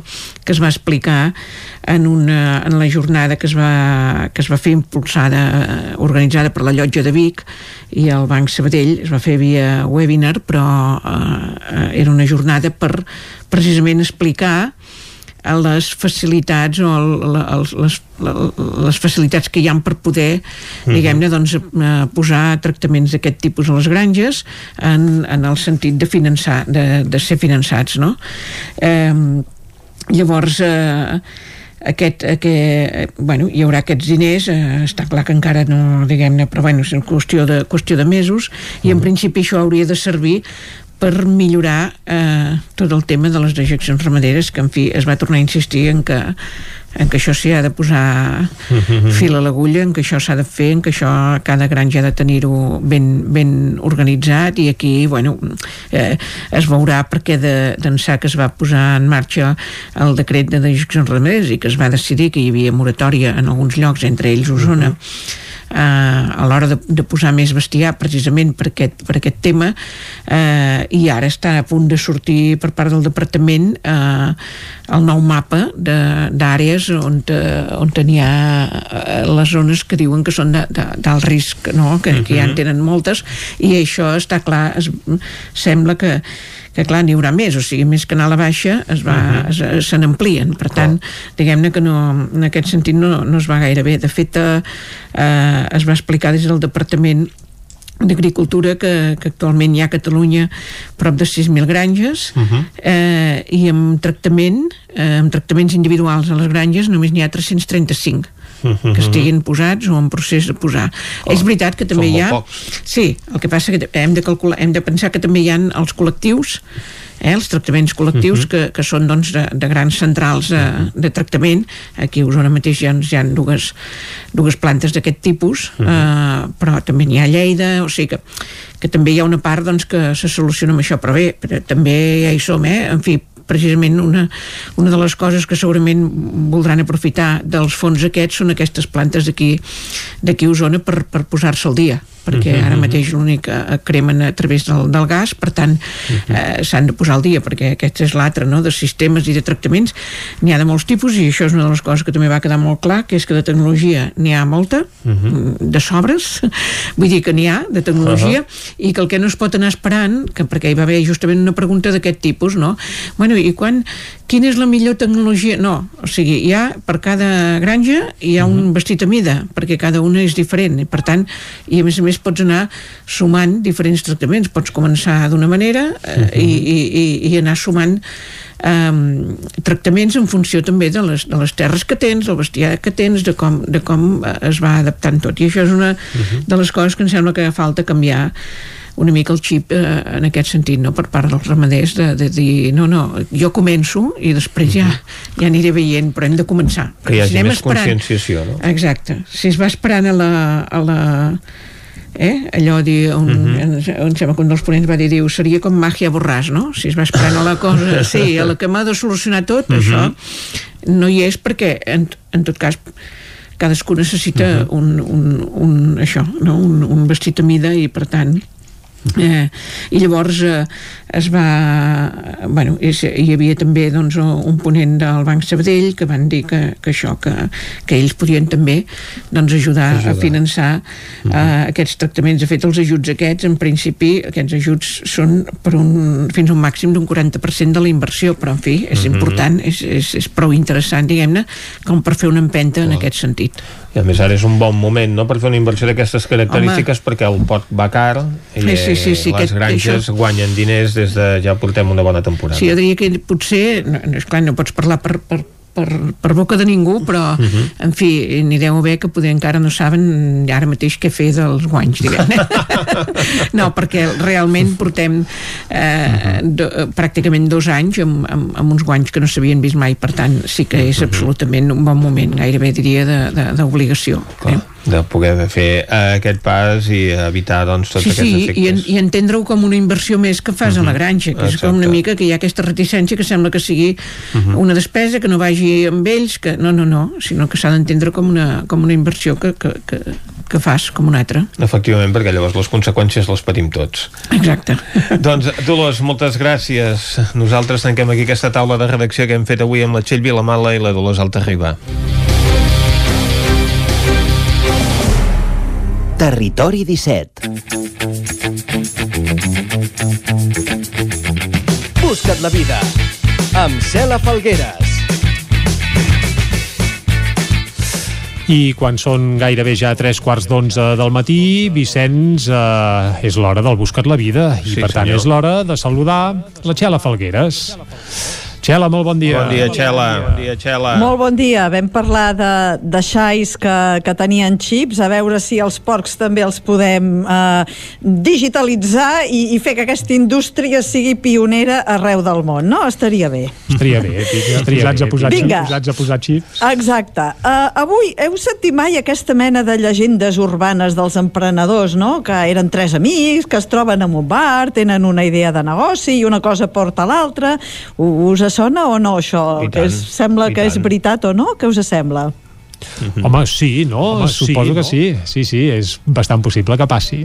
passi. Sí, passa més d'un cas i avui la Berta Campos, que és integrant de l'equip de nous negocis d'Ats Morai, ens explica que talment així va néixer una de les grans agències que té una tecnologia pròpia per fer anuncis a tots els mitjans digitals i que actualment té més de 150 treballadors en dos continents. Ats Morai és una agència, eh, la història del creixement d'aquesta agència i l'enfoc amb el que treballen és espectacular. Podeu conèixer més sobre Ats Morai a la seva web atsmorai.com, però no anem a retrasar eh, la xitxa d'avui que ens l'explica la Berta Campos. Anem a l'entrevista. Anem-hi, anem-hi. Què és Ats Morai i quan va néixer i com va néixer la idea? Doncs mira, Ats Morai va néixer cap al 2014, casualment amb un dinar entre els fundadors de, de l'empresa. Doncs, bueno, un d'ells havia estat en contacte amb Facebook perquè era, era freelance, treballava pel seu compte ja en tema de, de fer anuncis a, a Facebook, quan era molt incipient, i eh, allà els va estar comentant que Facebook li havia proposat de muntar una empresa perquè estaven fent un programa d'accelerador d'empreses que ajudaven doncs, a, a formar empreses entorn la seva tecnologia que afegissin valors sobre el que ja estava fent Facebook en aquell moment, però d'aquesta manera doncs, poder ajudar als clients a, a gestionar campanyes de Facebook, així Facebook pogués créixer a la vegada que aquestes petites empreses i doncs així és com ells es van animar i van dir vinga va, entrem, intentem entrar en aquest programa i van començar a treballar amb, amb Facebook per desenvolupar una tecnologia uh, pròpia que permetés uh, donar servei a anunciants que volien estar a Facebook i uh, optimitzar els seus anuncis millor del que la plataforma en aquell moment podia fer-ho. Llavors, què va passar? L'ecosistema va començar a créixer, Adsmorai va començar a tenir cada vegada més clients que volien aquest expertise i aquesta tecnologia lligada a Facebook i, doncs, a poc a poc va anar creixent com a agència que oferia serveis a, amb una tecnologia pròpia. Amb el temps, tot això ha anat evolucionant. Ara, a dia d'avui, Facebook avança molt, molt ràpid i la tecnologia que s'havia desenvolupat inicialment ja no és amb la que treballem, sinó que s'han anat desenvolupant tecnologies pròpies per uh, afegir una capa de valor, ja no sols sobre la plataforma de, de Facebook, sinó també les altres xarxes socials, com poden ser Instagram, que forma part de l'ecosistema de, de Facebook, però també tota la resta. Parlem de TikTok, parlem de Snapchat, parlem de uh, WeChat a Xina, parlem de Bicontact a Rússia i també uh, la capa aquesta que s'afegeix amb, amb, amb Google, que també a dia d'avui doncs, treballem amb, amb Google. I doncs, bueno, a poc a poc, Atsmurai s'ha anat expandint també amb clients que necessitaven servei doncs, més enllà de, de les fronteres de, del país i a banda de les oficines que tenim aquí a Espanya, eh, serien Barcelona, Madrid i Màlaga, hem anat obrint Colòmbia i a Mèxic. Per tant, ara podem donar servei en pràcticament totes les franges horàries de, de, del món.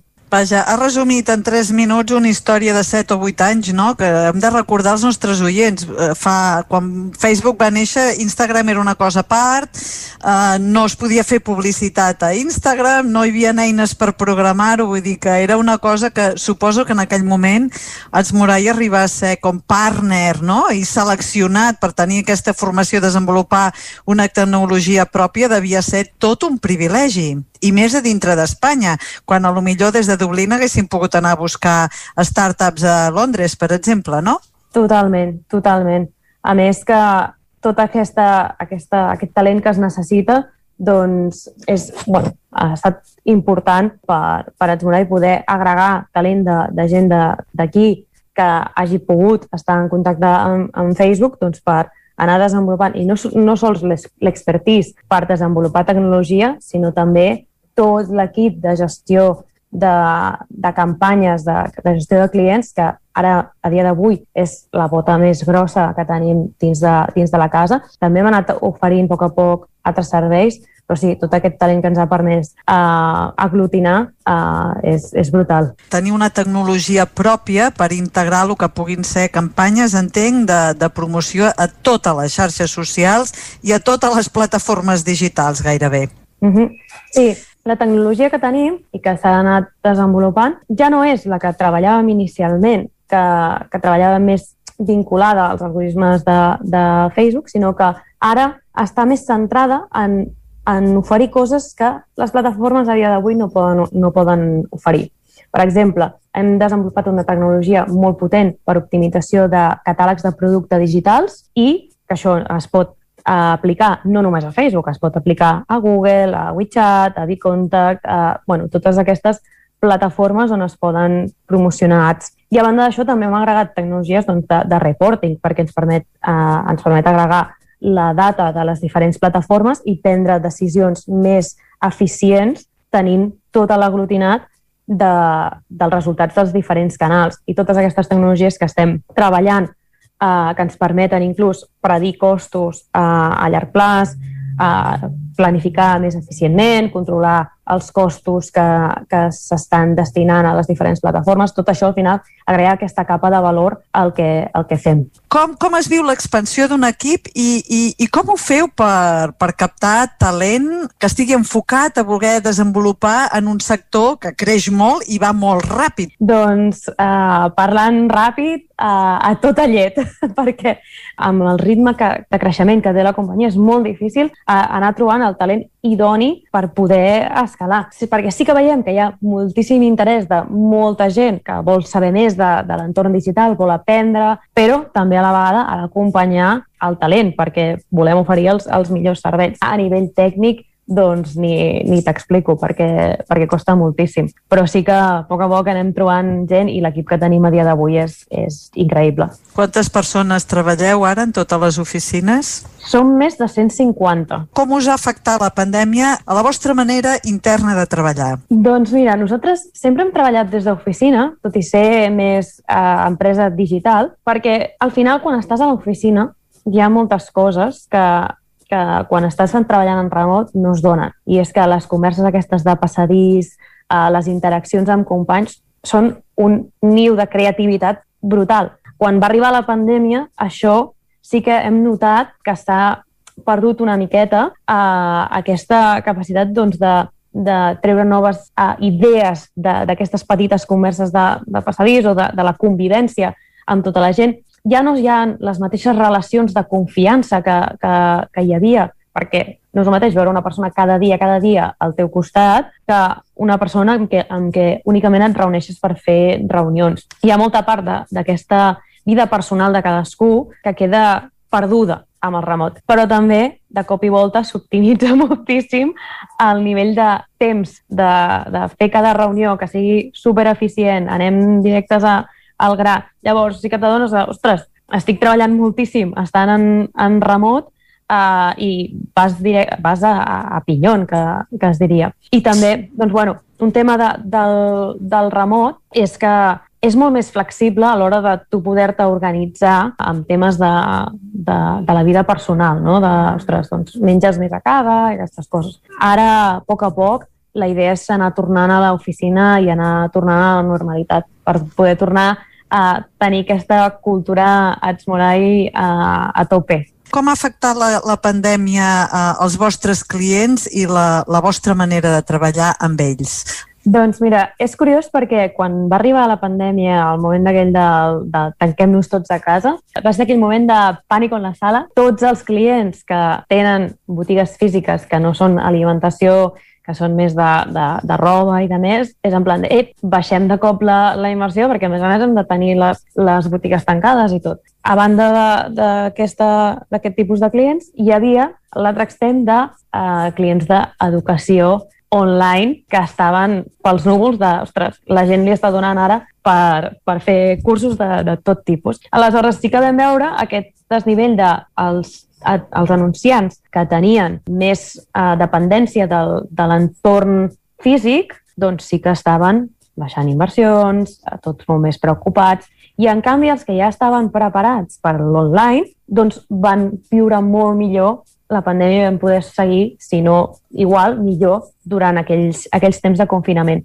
El que sí que hem vist després de tot aquest, aquest període de, de Covid és que els anunciants que no tenien, no s'havien posat les piles amb el tema digital, de cop i volta correm-hi tots, fem l'e-commerce, fem uh, ads que no havia fet en la vida i aleshores per créixer en l'entorn digital a nosaltres sí que ens ha anat molt bé perquè ostres, nosaltres som els experts i veniu que, que us ajudem. Què us agradaria que passés en el proper any? Doncs seguir creixent tant, tant com puguem i anar doncs, oferint nous serveis que, que agreguin valor pels nostres, pels nostres clients.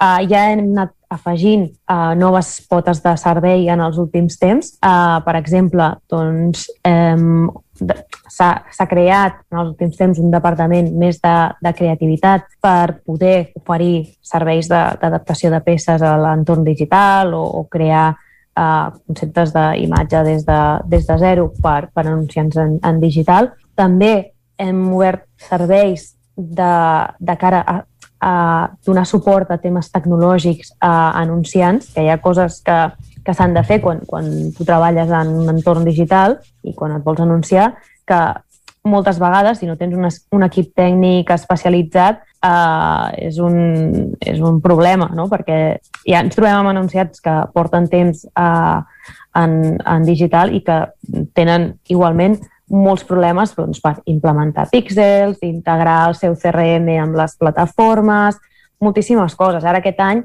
eh, estem fent molt focus amb el nostre equip de, de Solutions Engineering, que és, dona servei a aquest tipus de, de problemes, estem fent molt focus en solventar tot aquest problema que, que hi haurà de, de, mesur, de mediació eh, quan desapareguin les cookies de tercers l'any que ve.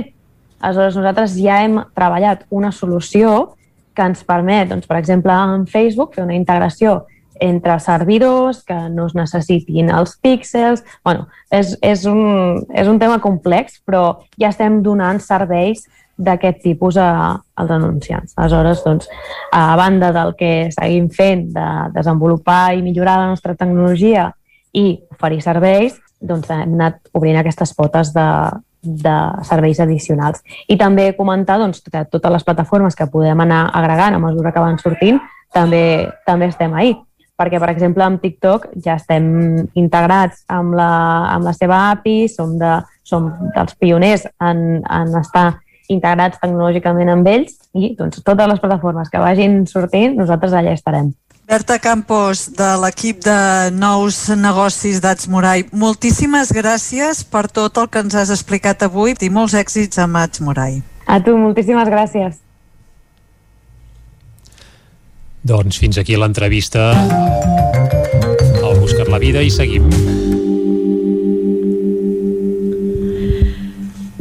A qui no li agrada posar a prova el seu enginy, uh, la app d'avui es diu Brain Test uh, Acertijos Engañosos, us ho dic en castellà perquè està disponible en castellà. Mm -hmm. Aquesta app gratuïta uh, la podeu trobar tant per Android com iOS i et permet posar a prova la teva intel·ligència, això entre cometes és el que diuen ells, amb jocs de paraules, sopes de lletres, trencaclosques, sudokus i altres endivinalles.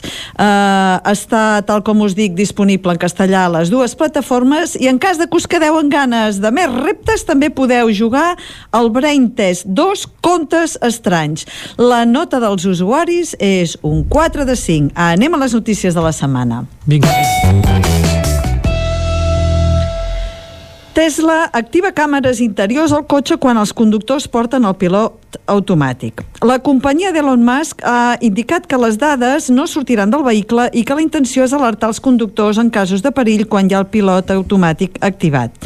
Han estat molts els usuaris que han penjat vídeos a xarxes socials, alerta, mofant-se del pilot automàtic i fins i tot hi ha vídeos de conductors asseguts al seient de darrere mentre el vehicle circula mare per la carretera. Déu, mare de Déu. Sí, mare de Déu senyor, exacte. Diversos xocs mortals que afecten aquests vehicles Tesla eh, tenien activat el pilot automàtic i, evidentment, això ha pressionat a la companyia perquè prengui mesures addicionals als sensors del volant que ja tenien. Però és que els, els conductors fins i tot feien trucos perquè el volant, enganyar el volant, i ells no està ni tan sols al volant. I per acabar, el Corte Inglés i L'Oreal Espanya llancen un mirall virtual per provar cosmètics a la seva web i app. La singularitat de la tecnologia està en els resultats realistes i en una calibració de les ombres per intel·ligència artificial. Per resumir com funciona, i ara aquí vindria quan els que han creat aquesta tecnologia m'escanyen directament, eh, seria com utilitzar un filtre d'Instagram on tu tries quins són els cosmètics, eh, el color del rímel o del, de l'ombra d'ulls o el color de, de llavis que et poses. I amb això, escanyada o no, ens trobarem el dimarts que ve en un nou Busca la Vida. Per tant, doncs molt bé, Txela, moltes gràcies per tot. Uh, T'esperem dimarts que ve de nou aquí al Busca't la Vida. Que vagi molt bé. Adeu. Adeu, Txela, i nosaltres ara quan passen gairebé 45 segons de les 11 del matí, el que fem és acostar-vos de nou l'actualitat de casa nostra, l'actualitat de les comarques del Ripollès, Osona, el Moianès i el Vallès Oriental. Territori 17, amb Vicenç Vigues i Jordi Sunyer.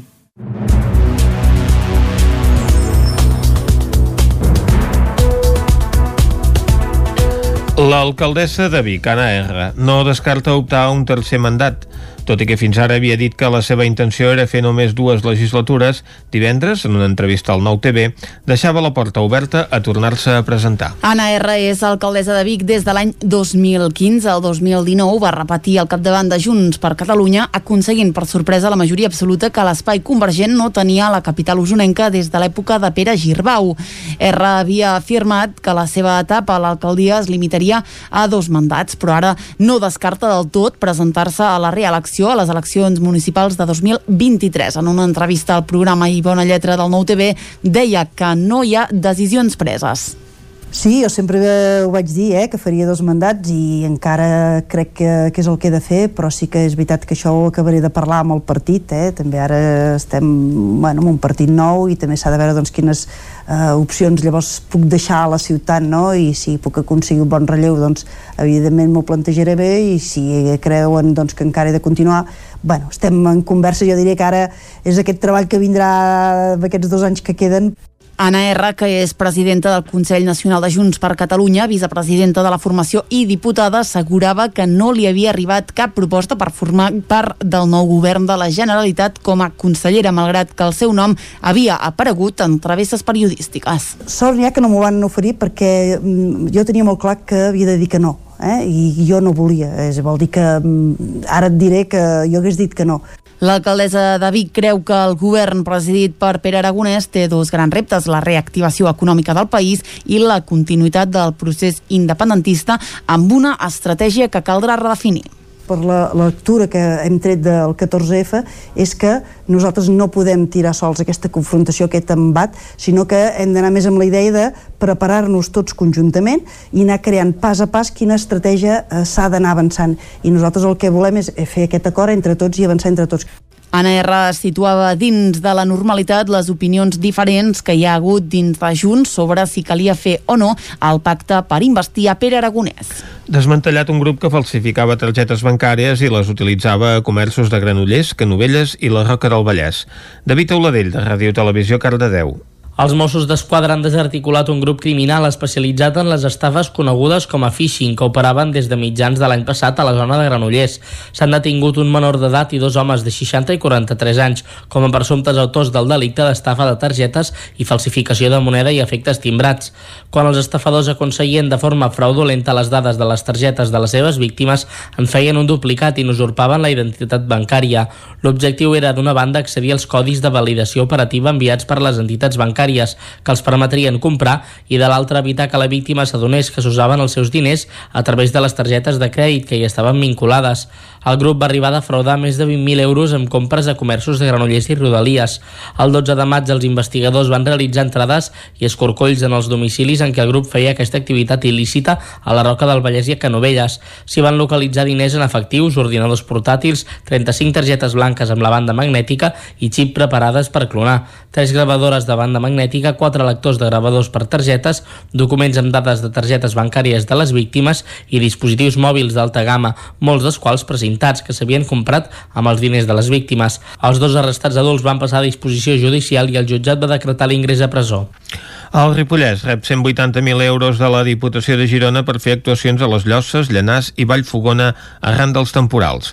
Isaac Muntades, des de la veu de Sant Joan. El Ripollès va ser una de les comarques més afectades pel temporal Glòria del gener de l'any 2020. Per arreglar alguns dels desperfectes que es van produir, la Diputació de Girona, a través del Servei d'Assistència i Cooperació als Municipis, va destinar un total de 432.200 euros per despeses municipals extraordinàries per finançar actuacions derivades per causes meteorològiques. De tots aquests diners, 180.300 euros han vingut a parar al Ripollès. Durant l'any passat i aquest 2021, una desena de municipis gironins s'han beneficiat d'aquestes ajudes, tres dels quals són del Ripollès, les Llosses, Llanàs i Vallfogona de Ripollès. El 2020, les Llosses va rebre 50.000 euros per destinar-los a l'arranjament dels danys produïts als camins del municipi per les precipitacions del juny de l'any passat i 30.000 euros per actuacions d'emergència per habilitar sortides d'accessos a masies i veïnats que van quedar aïllats per esllavissades i esfondraments de camins municipals. Vallfogona de Ripollès va rebre 50.000 euros euros per reparar la taulada de l'Ajuntament, que es va malmetre per culpa de les pluges del 28, 29 i 30 d'agost del 2020. De les subvencions del primer trimestre d'aquest 2021, Llanàs va rebre 38.200 euros per fer una actuació urgent a l'edifici de la Sala de Vall arran d'un temporal i les Llosses 12.000 euros per arranjar una esllavissada al camí del cobert de Puigcercós. Vigues i Riells ha detectat un augment de concentracions de persones als carrers que generen aglomeracions, sobretot els caps de setmana.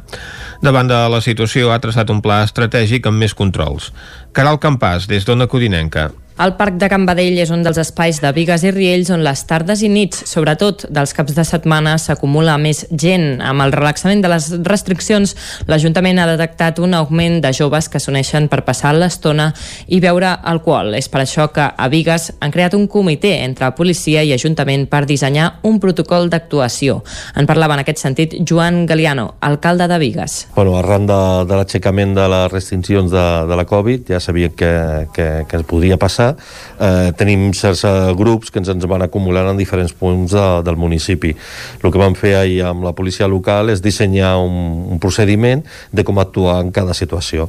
En aquest cas, allà on se'ns acumulen els vehicles o en aquell lloc on fan concentracions, sobretot, eh, i, i el que és més important, i generen una molèstia al veïnat, doncs allà doncs farem primer una actuació pedagògica i informar, però a partir d'aquí, si veiem que la cosa va més, doncs haurem d'actuar ja amb més coercitives. El carrer Maria de Belllloc és una de les vies on s'acumulen més vehicles. La problemàtica s'accentua perquè és de dues direccions i encara no està senyalitzat. Una de les mesures serà posar provisionalment una tanca per tal que no s'acumuli la gent. Sentim Pedro Parra, cap de la policia de Vigues. És un carrer que és molt ample i està molt obert perquè la gent estacioni, bueno, perquè clar, és un carrer de pas que s'entra pel carrer Casal bueno, el que és el pas, sí, entrar pel carrer Casal i sortir pel carrer Maria del Lloc, no hi ha cap problema. Però el que no volem és que entrin pel carrer Maria del Lloc en direcció contrària perquè no hi ha senyalització, perquè hi ha un tram que es pot, és de doble sentit i no volem això, ho farem d'un sentit únic. No està, no està limitat no està limitat ni, ni, en, ni en senyalització horitzontal ni en vertical. Llavors hi ha confusió en el tema de com es pot aparcar i bueno, hi ha molta llibertat d'estacionament. De, Aquests pròxims caps de setmana també s'intensificaran els controls als possibles espais de concentració. Esports. Aquest cap de setmana el Barça de futbol femení, amb la jugadora de Borgunyà Bruna Vilamala a la gespa, va aconseguir un triplet històric – un pas més en la lluita iniciada als anys 60 amb els primers partits de futbol femení a la comarca d'Osona. A finals dels anys 60 era una època de canvis socials tímids en ple franquisme que promovien sobretot els joves enlluernats pels aires de revolució que els arribaven del maig francès. En aquest ambient i en una escola com el Paracoll de Vic, on hi havia professores com Núria Albó i Enriqueta Anglada, un grup d'alumnes de sisè de batxillerat va promoure de forma pionera uns enfrontaments per recollir diners per finançar un esperat viatge de final de curs del curs 1968-1969 a Itàlia. El Barça i l'Espanyol els van cedir equipacions atrets per la novetat de la proposta i els partits van omplir els camps de curiosos que volien veure-la jugar. Dues de les jugadores van ser Mariona Pedrós i Araceli Bruc. I llavors quan es va plantejar aquest tema per poder fer diners i perquè bueno, el nostre objectiu era aquest viatge de final de curs, vam pensar doncs fem una cosa que no s'hagi i per part meva i la majoria de companyes no van tenir cap problema. També he de dir que hi ha alguna companya doncs, que a casa seva no la van deixar jugar pel fet de ser una noia eh, i això bueno, és, per mi és molt greu i llavors, doncs, bueno, això, aquesta actitud davant de la vida, que ha de ser una actitud, penso, individual, eh, en tots els àmbits, però que la lluita ha de continuar sent col·lectiva per anar aconseguint i anar fent aquests passos de mica en mica. Hem de vèncer un patriarcat que fa més de 5.000 anys que dura. Al principi no ens plantejàvem que era una transgressió perquè era una cosa que no es feia les dones jugar a futbol. Ens em va adonar a partir de que es van tancar alguna porta, que, que si feien malbé la gespa del camp i per tant no ens el podien deixar, que si eh, el nostre cos estava destinat a la maternitat i, i, i jugar un esport així no podia ser eh, però, però bueno, com ha dit la Mariona, mm, nosaltres no en vam fer cas, vam tirar endavant, vam trobar també el recolze de la majoria de famílies, jo crec que es van divertir tot. El primer partit es va jugar un fred i boirós dia de Sant Esteve a Roda de Ter i va acabar amb empat a dos. Aleshores es va plantejar un desempat que es va jugar a Torelló. A Vic els van dir que farien malbé la gespa i a Manlleu que podrien prendre mal i que el futbol no era adequat per les noies. Seguint els seus passos, en aquella època es van crear també els primers equips de noies a Osona. Aquest diumenge, una altra usonenca, Bruna Vilamala, va guanyar la Copa del Rei per al Barça i va completar així un any històric amb un triplet. El Vilamajorí Àlex Palau queda segon a les 500 milles d'Indianàpolis i surt de la mítica cursa americana com a líder de la IndyCar Series. David Auladell, de Ràdio Televisió, Cardedeu. El pilot de Sant Antoni de Vilamajor, Àlex Palou, s'ha quedat a les portes de guanyar la carrera mítica de les 500 milles d'Indianàpolis. El de Chip Ganassi Racing ha passat per línia de meta en segona posició, a només 0,49 segons del brasiler Helio Catroverens, un mite d'aquesta prova americana, que ha estat el guanyador. Tot i així, el jove Àlex Palou, de només 24 anys d'edat, ha fet història, ja que aquest resultat és el millor que mai ha aconseguit cap pilot de l'Estat. La prova va ser un manual de progressió gairebé perfecte per a Palou, que mai va estar per sota del vuitè lloc i va arribar a liderar unes 40 voltes en la part final de la cursa. El trànsit de cotxes doblats va perjudicar el pilot de Sant Antoni de Vilamajor, que va mantenir un frec a frec amb el brasiler, aconseguint avançar-lo fins a 5 ocasions en les darreres 30 voltes. El resultat, però, permet a Àlex Palou sortir líder en la IndyCar. I fins aquí el butlletí informatiu de les 11 del matí que us hem ofert amb Vicenç Vigues, Clàudia Dinarès, David Auladell, Caral Campàs i Isaac Muntades. I ara, quan falten dos minuts i mig per un quart de dotze, el que ens toca és posar-nos en mode econòmic. Cada dimarts ens ve a visitar aquí a Territori 17 en Joan Carles Arredondo. El saludem de seguida. Territori 17. Envia'ns les teves notes de veu per WhatsApp al 646 079 023. 646 079 023. WhatsApp Territori 17.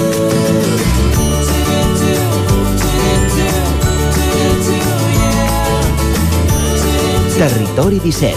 Som a Facebook, Twitter i Instagram amb l'usuari Territori 17.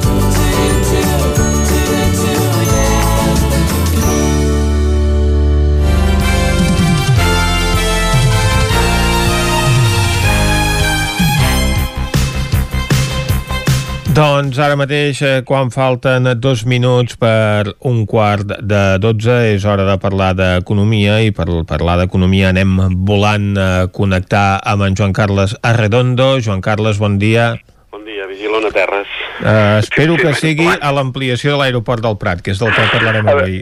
A veure, a veure si, si és... Eh, hauràs d'esperar, diguem-ne, Sí. eh, de tota manera. Vull dir, Sí, perquè no que tothom hi està d'acord. tinguis, espero que tinguis prou combustible perquè no, no, no, ni- ningú diu que això sigui imminent. Eh? Com passa sempre en aquest país, quan algú vol ampliar infraestructures i surten veus en contra, la curiositat ara és que aquestes veus en contra parteixen de la mateixa administració. Sí, eh, això passa perquè, com deia el poeta, els temps estan canviant.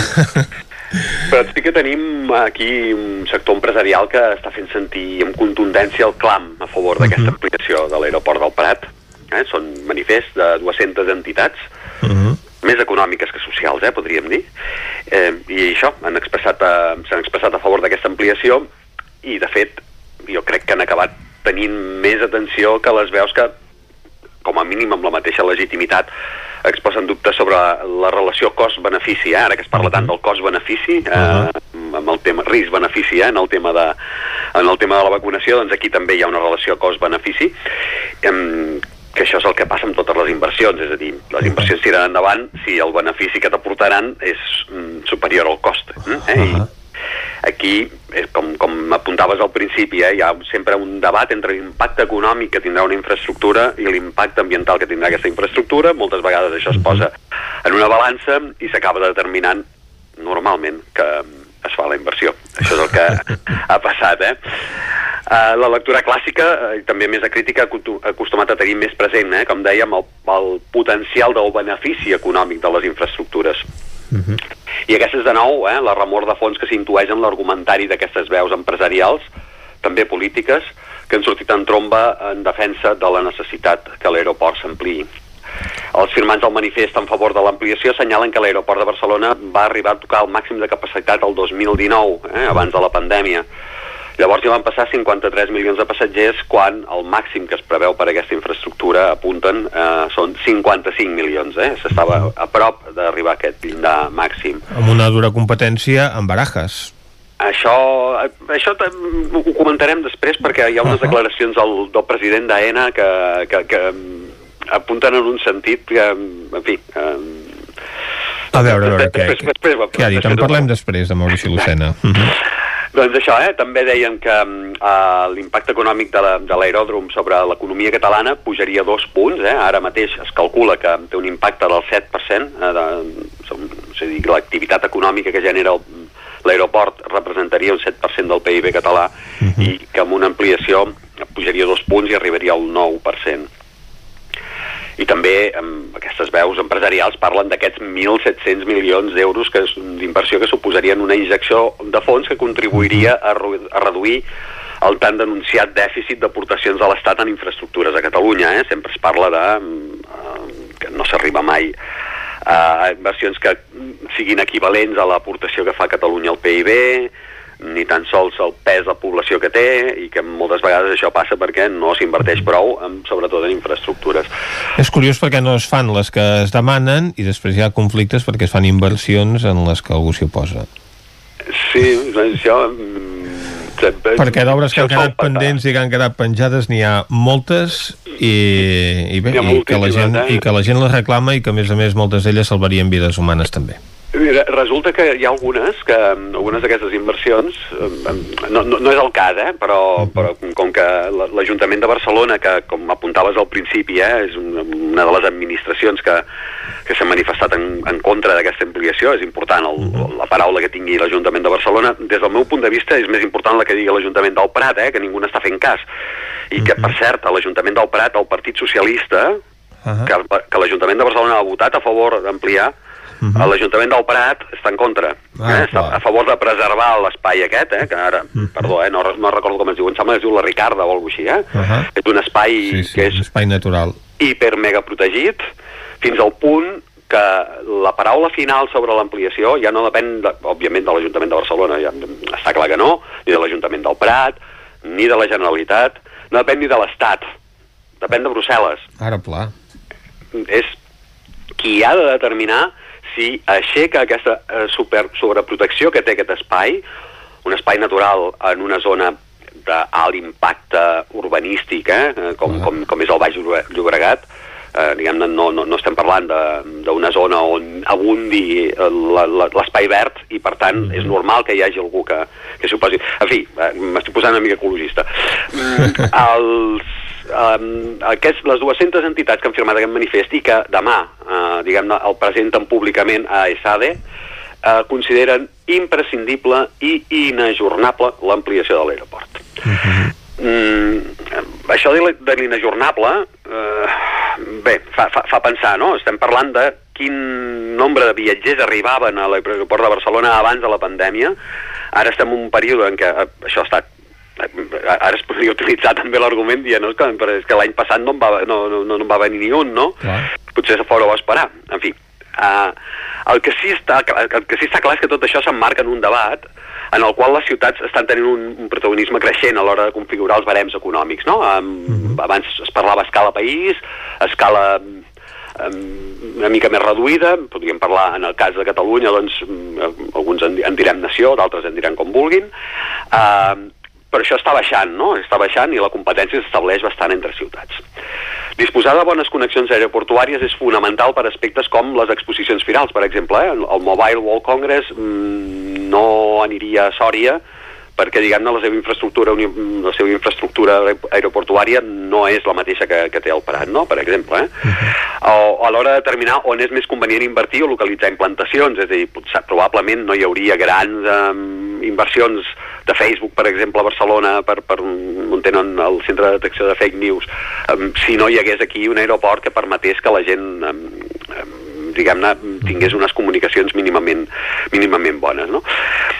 Des del punt de vista més clàssic, disposar d'aquesta bona connectivitat aeroportuària ha estat un ingredient important, tot i que no l'únic, per guanyar pes en aquesta competència entre ciutats. En aquest cas, el debat arriba en un moment d'incerteses. Eh?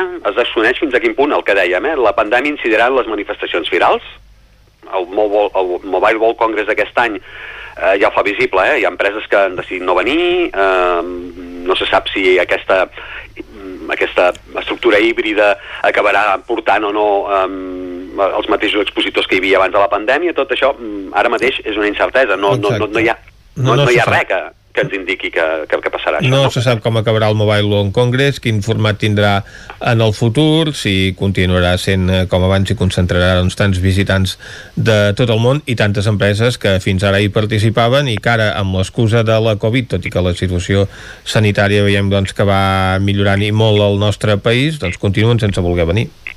Això, això és així, eh? I a més, um, tam tampoc, és, tampoc és del tot cert ara mateix, no? que, que hi hagi implantacions d'oficines que quedin expenses, perquè això pot quedar expenses de com evolucioni, per exemple, el teletreball. Uh -huh. uh, clar que hi continuarà havent viatges eh, i, i que continuaran havent viatges que requereixin passar per aeroports, però no es pot aventurar del tot que se'n se, se facin tants eh, com, com, es, com es feien abans de la pandèmia. Tot apunta que la lògica del manifest eh, més empresarial que social, com deien, en suport de l'ampliació de l'aeroport, es basa en una lògica prepandèmica, eh, que encara està per confirmar. Per tant, això de l'inajornable, que dèiem abans, eh, bé, és una, és una opinió i és normal que, que, que es posi en un paper quan, quan vols fer pressió per, per aconseguir algun objectiu. Eh? En canvi, sí que està més clara la tendència a preservar els valors ambientals. Eh? Les directives internacionals, en particular les europees, apunten a la necessitat de fomentar aquests nous valors fins i tot en el desenvolupament econòmic. És aquesta filosofia, per exemple, la que inspira els fons de reactivació econòmica postpandèmica, que es basen en el foment de l'economia verda, entre d'altres. Eh? Afluixen, per, per, per, dir, per dir-ho per dir popularment, eh? afluixen, afluixen la pasta uh -huh. a canvi de que es faci una transició que porti a un model més ecològic. Eh? Mm, i, i com que hi ha diners en joc, el mateix sector empresarial que mira cap a una altra banda quan, quan hi ha en joc la preservació d'una àrea protegida, eh, per la prolongació d'una de les pistes de l'aeroport, uh -huh. mm, um, ara, o sigui, aquests que miren cap a una altra banda s'apunten amb entusiasme a aquesta nova filosofia de l'economia verda. Eh? Estem parlant de tots començaran a parlar dels seus eh, grans esforços amb, amb introducció de noves energies, etc. Eh? I, clar, això ho fan també pensant que, pot venir, que poden venir diners d'Europa per fer aquesta transició. Per tant, estem en una contradicció visible. Eh? El sector empresarial s'albona aquella exaltació d'amor pel no, de, de, de, de, perdó, aquella exaltació del nou i amor pel, pel vell que glosava el poeta J.B. Foix. Eh? Uh -huh. El que passa és que aquí el link entre el nou i el vell eh, no és la poesia, eh? són els diners.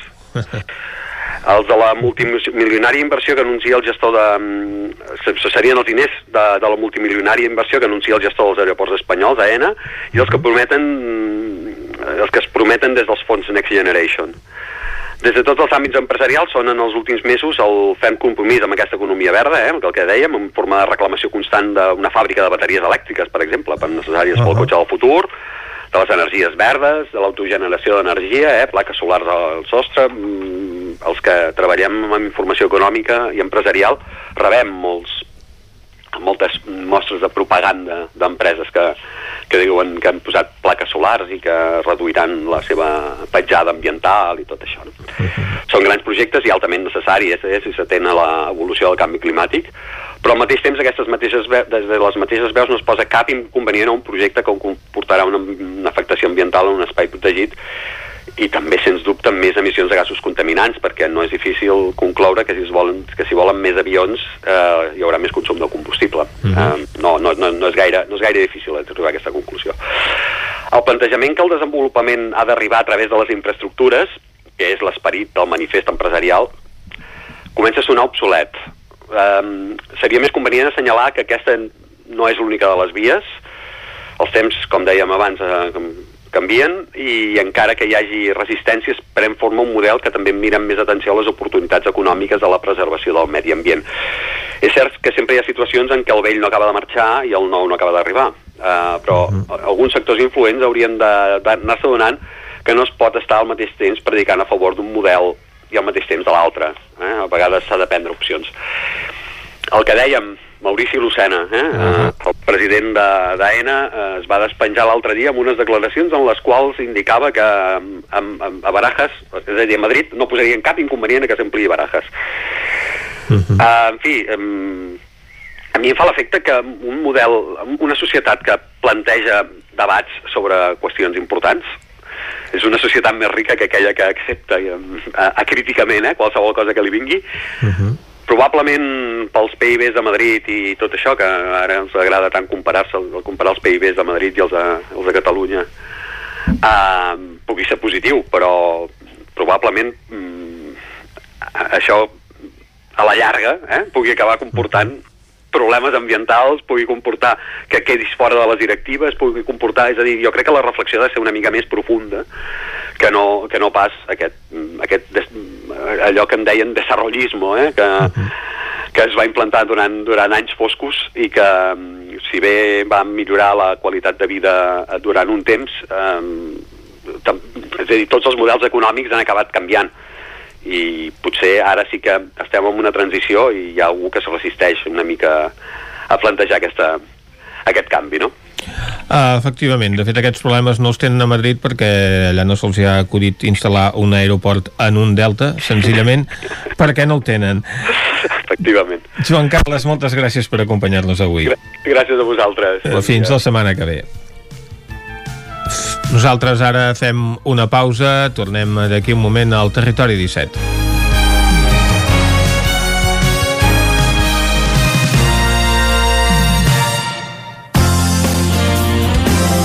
El 9 FM, la ràdio de casa, al 92.8.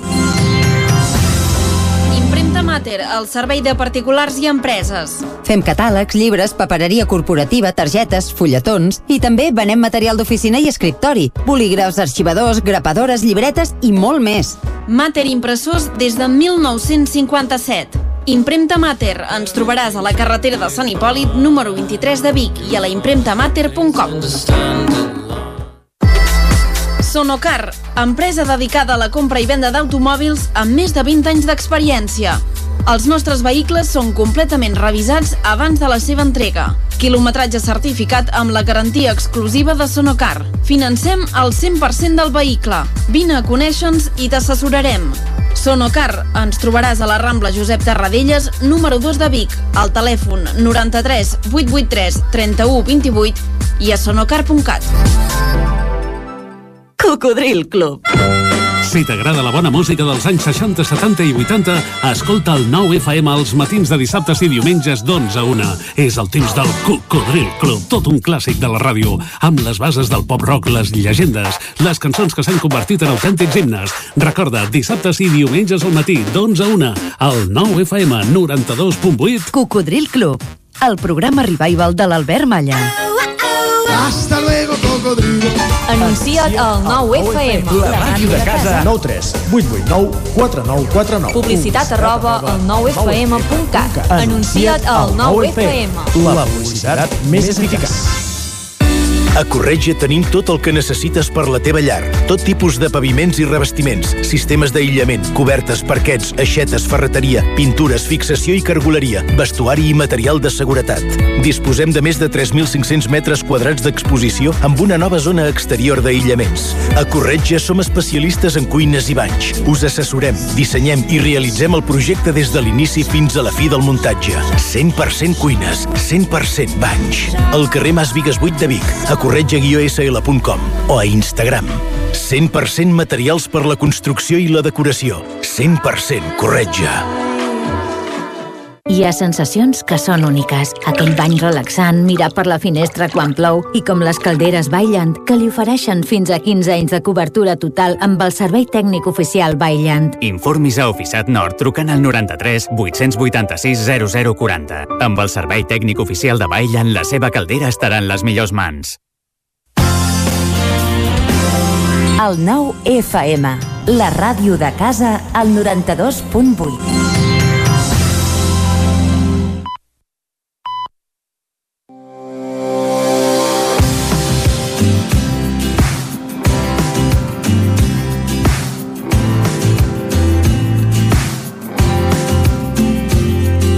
El poble de Sant Julià de Vilatorta respira un entorn natural privilegiat al vell mig de la verdor ufana dels boscos de les Guilleries. Veu de les aigües regalades i generoses de les seves fonts i Sant Galana amb vells edificis d'arquitectura modernista que li atorguen el segell senorial de les antigues i sumptuoses viles d'estiueig. Antigament conegut també com a poble terrissaire, vetlla fidel per la custòdia de les seves tradicions més que centenàries i les difon als quatre vents amb els cants de goig i festius de caramelles del Roser. Sant Julià de Vilatorta mostra als seus visitants un gran gran ventall d'opcions i propostes i es deleix per complaure la seva estada amb una experiència variada i satisfactòria que animi a repetir-la una vegada i una altra. Ofereix també allotjar-se còmodament en qualsevol dels seus hotels, hostals i cases rurals, compromesos amb el turisme sostenible responsable amb l'entorn, que posen en valor el territori, el paisatge, la conservació del medi ambient i la gastronomia típica i tradicional que busca realçar els recursos propis de la zona. Al segle XIX, Sant Julià de Vilatorta va perdre el tren de la industrialització.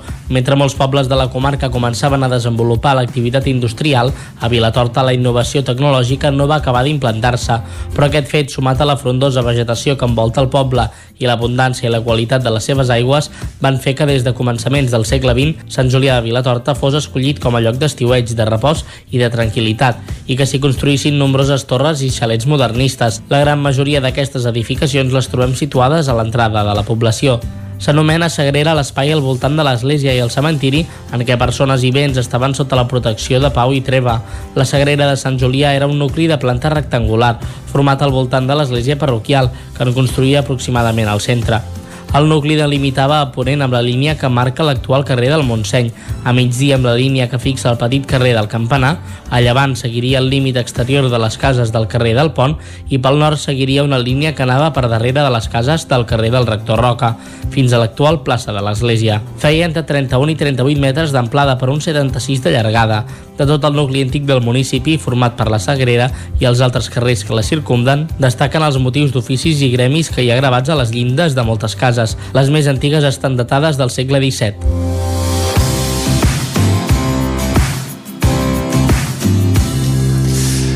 Doncs avui que hem anat a Sant Julià de Vilatorta, al Descobrint Catalunya, un poble ple d'atractius. Un dels més bonics del territori 17. Sí, segurament que sí. I també dels més frescos, eh? perquè hi ha molta ombra i la veritat és que ara que ve l'estiu és dels més aconsellables a indrets com, per exemple, racons com les Set Fonts. Això de que és un dels més frescos ho podríem consultar, per cert, amb en Manel Dot, que ja sí. el tenim aquí i li podríem demanar, eh? Li, de... Però... li demanarem a en Manel, si, si és així, Manel. Manel, bon dia. Manel, ja, molt ja bon dia. Eh? Aquí, eh? Ja, ja, ja el segrestem ja abans d'hora, amb el Manel. Sí, sí, el segrestem sí, sí. abans d'hora. Encara no parlem del temps, eh? però com que hem anat a Sant Julià i dèiem que és un dels pobles pobles més frescos uh, de la comarca d'Osona. Això, aquesta sensació és certa? Manel, ens ho pots uh, confirmar o no? Temperatures hauríem de mirar-les. Jo diria, home, frescos sí, perquè allà on hi ha molta vegetació i molts arbres és normal mm -hmm. que estigui fresc jo he anat més d'una vegada allà a les fonts de Sant Julià Home, a les set fonts, un i, racó i s'està bé, eh? 20 mm. graus ara mateix a Sant Julià 20 graus, oita, fantàstic fantàstic. Va, uh, deixem Sant Julià i anem a la R3, sí? Anem a la R3 Sant Julià té molts atractius però una de les coses que no té és tren Bé, potser això és el que contribueix a que tingui aquest atractiu a vegades les vies de comunicació també serveixen per separar el territori i a vegades no, no acaben d'acompanyar aquell entorn entorn sigui tan agradable com és el de Sant Julià. Doncs vinga, potser el secret de Sant Julià és que no té tren. Sigui com sigui, nosaltres sí que en tenim cada dia i a la Trenc d'Alba ens hi llancem ara mateix. Anem-hi. A Trenc d'Alba, edició pandèmia. Ara sense els usuaris que ens explicaven les seves desgràcies a la R3, però amb els mateixos retards i problemes de sempre. Benvinguts a Tren d'Alba. Entre avui i demà us porto un petit reportatge que han fet els companys del programa de planta baixa de TV3, que el col·lectiu perquè no ens fotin el tren ha aplaudit molt. Aquesta plataforma denunciava que fa temps que hi ha dèficit de personal a Rodalies i els feia molta il·lusió veure que s'hi incorporaven noves maquinistes, encara més que fossin dones. En el reportatge, els nostres companys van parlar amb la maquinista Laia Batxero i amb l'estudiant Laura Claret. En el cas de la Laia, ella era pedagoga i va fer un gir de 180 graus perquè necessitava un canvi en la seva vida. I déu nhi quin canvi! És curiós que ella hagi entrat en un món molt masculinitzat. Ara hi ha molts maquinistes que s'estan jubilant i està entrant gent més jove. La Laia s'ha encarregat de fer-li de professora a la Laura. Avui mateix ha vingut la Laura, una alumna en pràctiques de l'escola d'Hospitalet, de, de Renfe, i hem estat comentant una mica la via, els punts singulars, la jornada com funcionaria i com són les parades. La Laura també ha reconegut que no s'esperava que acabaria treballant de maquinista. No m'esperava que fos tan xulo, la veritat. És que mai se m'havia passat pel cap aquesta professió. Eh? Realment no és una professió que a ningú se li passa pel cap, crec. El meu marit s'hi va posar fa un parell d'anys, vale? i doncs ell em, em va fer veure com, com ho estava fent ell i bueno, em va animar. Ell és del món ferroviari, tota la seva família, i, i em van animar a fer-ho. Primer vaig dir, què dius? Però després li vas donant voltes, li vas donant voltes, i bueno, i dius, doncs per què no? Treballo en una oficina, estic a mitja jornada, per la tarda pues, estudio i m'ho compagino també amb la maternitat, ja que sóc mare de dos filles, tinc dos filles i m'ho he de compaginar també. Ja ho veieu, si algun dia teniu dubtes sobre què fer, sembla que falta personal a Renfe. Que no sigui dit que no hi ha oportunitats. Va, ens retrobem demà per acabar-vos d'explicar aquesta història. Territori 17. Doncs si mai s'acaba Territori 17, ens podem dedicar a fer de conductors de, de trens. Això si tens diners per pagar el que val el curs de maquinista. Ah, quan val? Doncs bastants milers d'euros. Carai, Sí, sí. Uh, bé, això ho expliquem un altre dia. Va, ara parlem de meteorologia.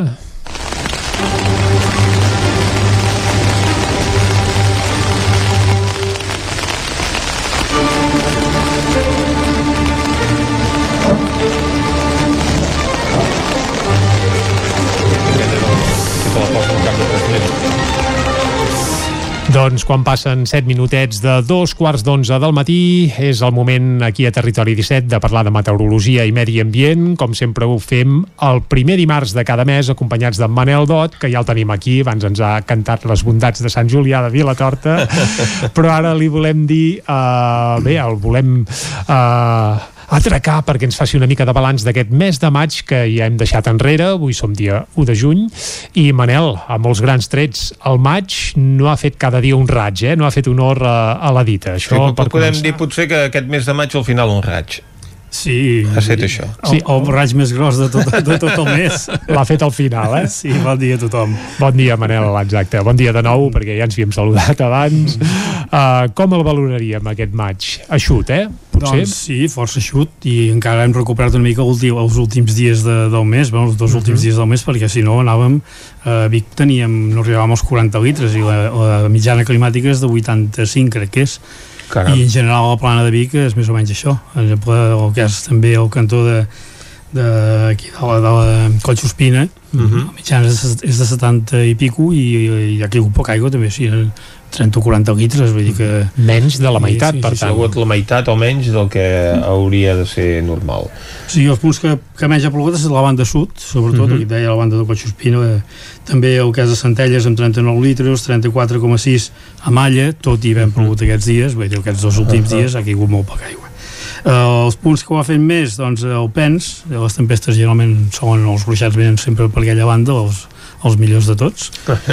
Almenys la, zona de, de Vic, la, les de Vidrà són els que agafen més la zona de, de Manlleu, Roda de Ter, eh, 92 al Pens, per exemple, 92,2 a Vidrà, 90,6 eh, parlant de la pluja general de tot el mes.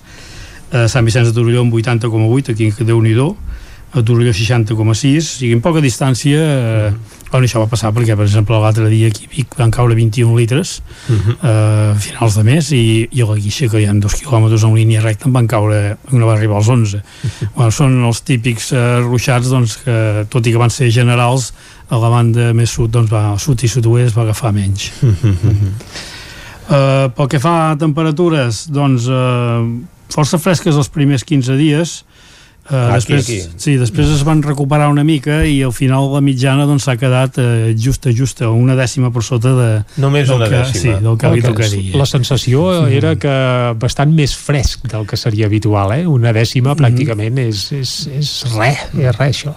Te- Tenim maig, eh, mesos de maig que ha superat els 30 i 32 graus. I tant. Uh, aquest no, aquest encara no hi hem arribat. Bé, ha arribat en algun poble, el GURB, per exemple, es va arribar als 30 graus eh, aquest finals de mes, perquè al principi ja et dic va ser bastant fresc, les temperatures mínimes s'han enregistrat a les primeres setmanes, o, o sigui, els primers, primers dies de les, de, del mes, i les màximes els últims dies, o sigui... eh, Veníem d'un abril fred, ja. ja venim d'un abril, d'abril fred, sí, que va ser uh -huh. inferior a la mitjana climàtica, i, però, bueno, almenys va ploure més. Uh De totes maneres, el, tot i haver plogut poc, jo suposo que és la, la, els tres últims anys ha plogut per molt i més, sí. més per accés uh, uh -huh. de, de, del que li tocaria i també tenir doncs, els aquífers i està tot ple d'aigua perquè la, la, o sigui, els pantans mateixos estan al 90% sau uh -huh. tot i que van buidant i el 93 que queda a Baixa Susqueda vull és dir a dir que... que pel que fa a reserves d'aigua sí. de cara a l'estiu no hauríem de patir tot i haver tingut un maig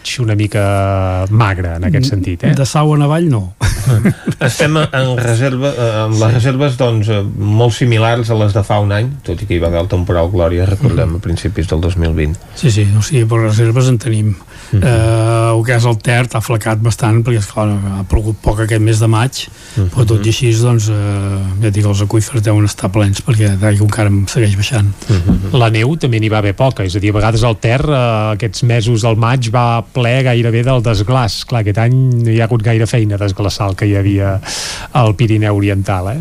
no, però déu nhi eh? hi havia sí? punts que n'hi havia bastant eh?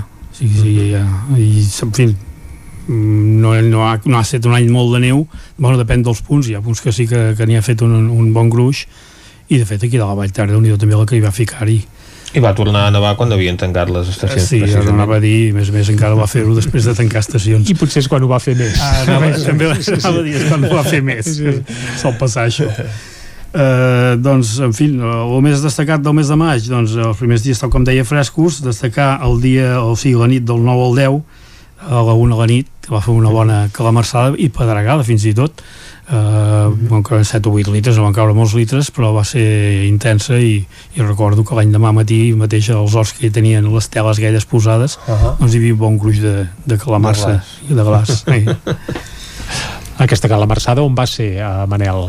Um, va ser, o sigui, tota la zona de Vic va agafar bastant general la plana eh, jo ara parlava d'aquí de, de, de la guixa mateix que aquests, aquests, aquestes reixes que et dic a casa, sí. vull dir que gruix hi vaig, vaig prou veure uh mhm. -huh. i a més a més les temperatures tot i que són, eren fresquetes doncs eh, a veure eh, el glaç es desfà de pressa i va durar mhm. tota la nit i fins a l'any demà matí encara n'hi havia vam salvar però les tomaqueres i... algunes sí, altres no Home, aquesta època és mal xinada eh, pel que fa a pedregades, perquè si no tenim l'hort una mica protegit, eh, et fot mitja collita en l'aire, eh? Uh -huh. uh -huh. uh, sí, és això. El problema que hi ha és que si depens de dalt i no hi ha sostre, malament.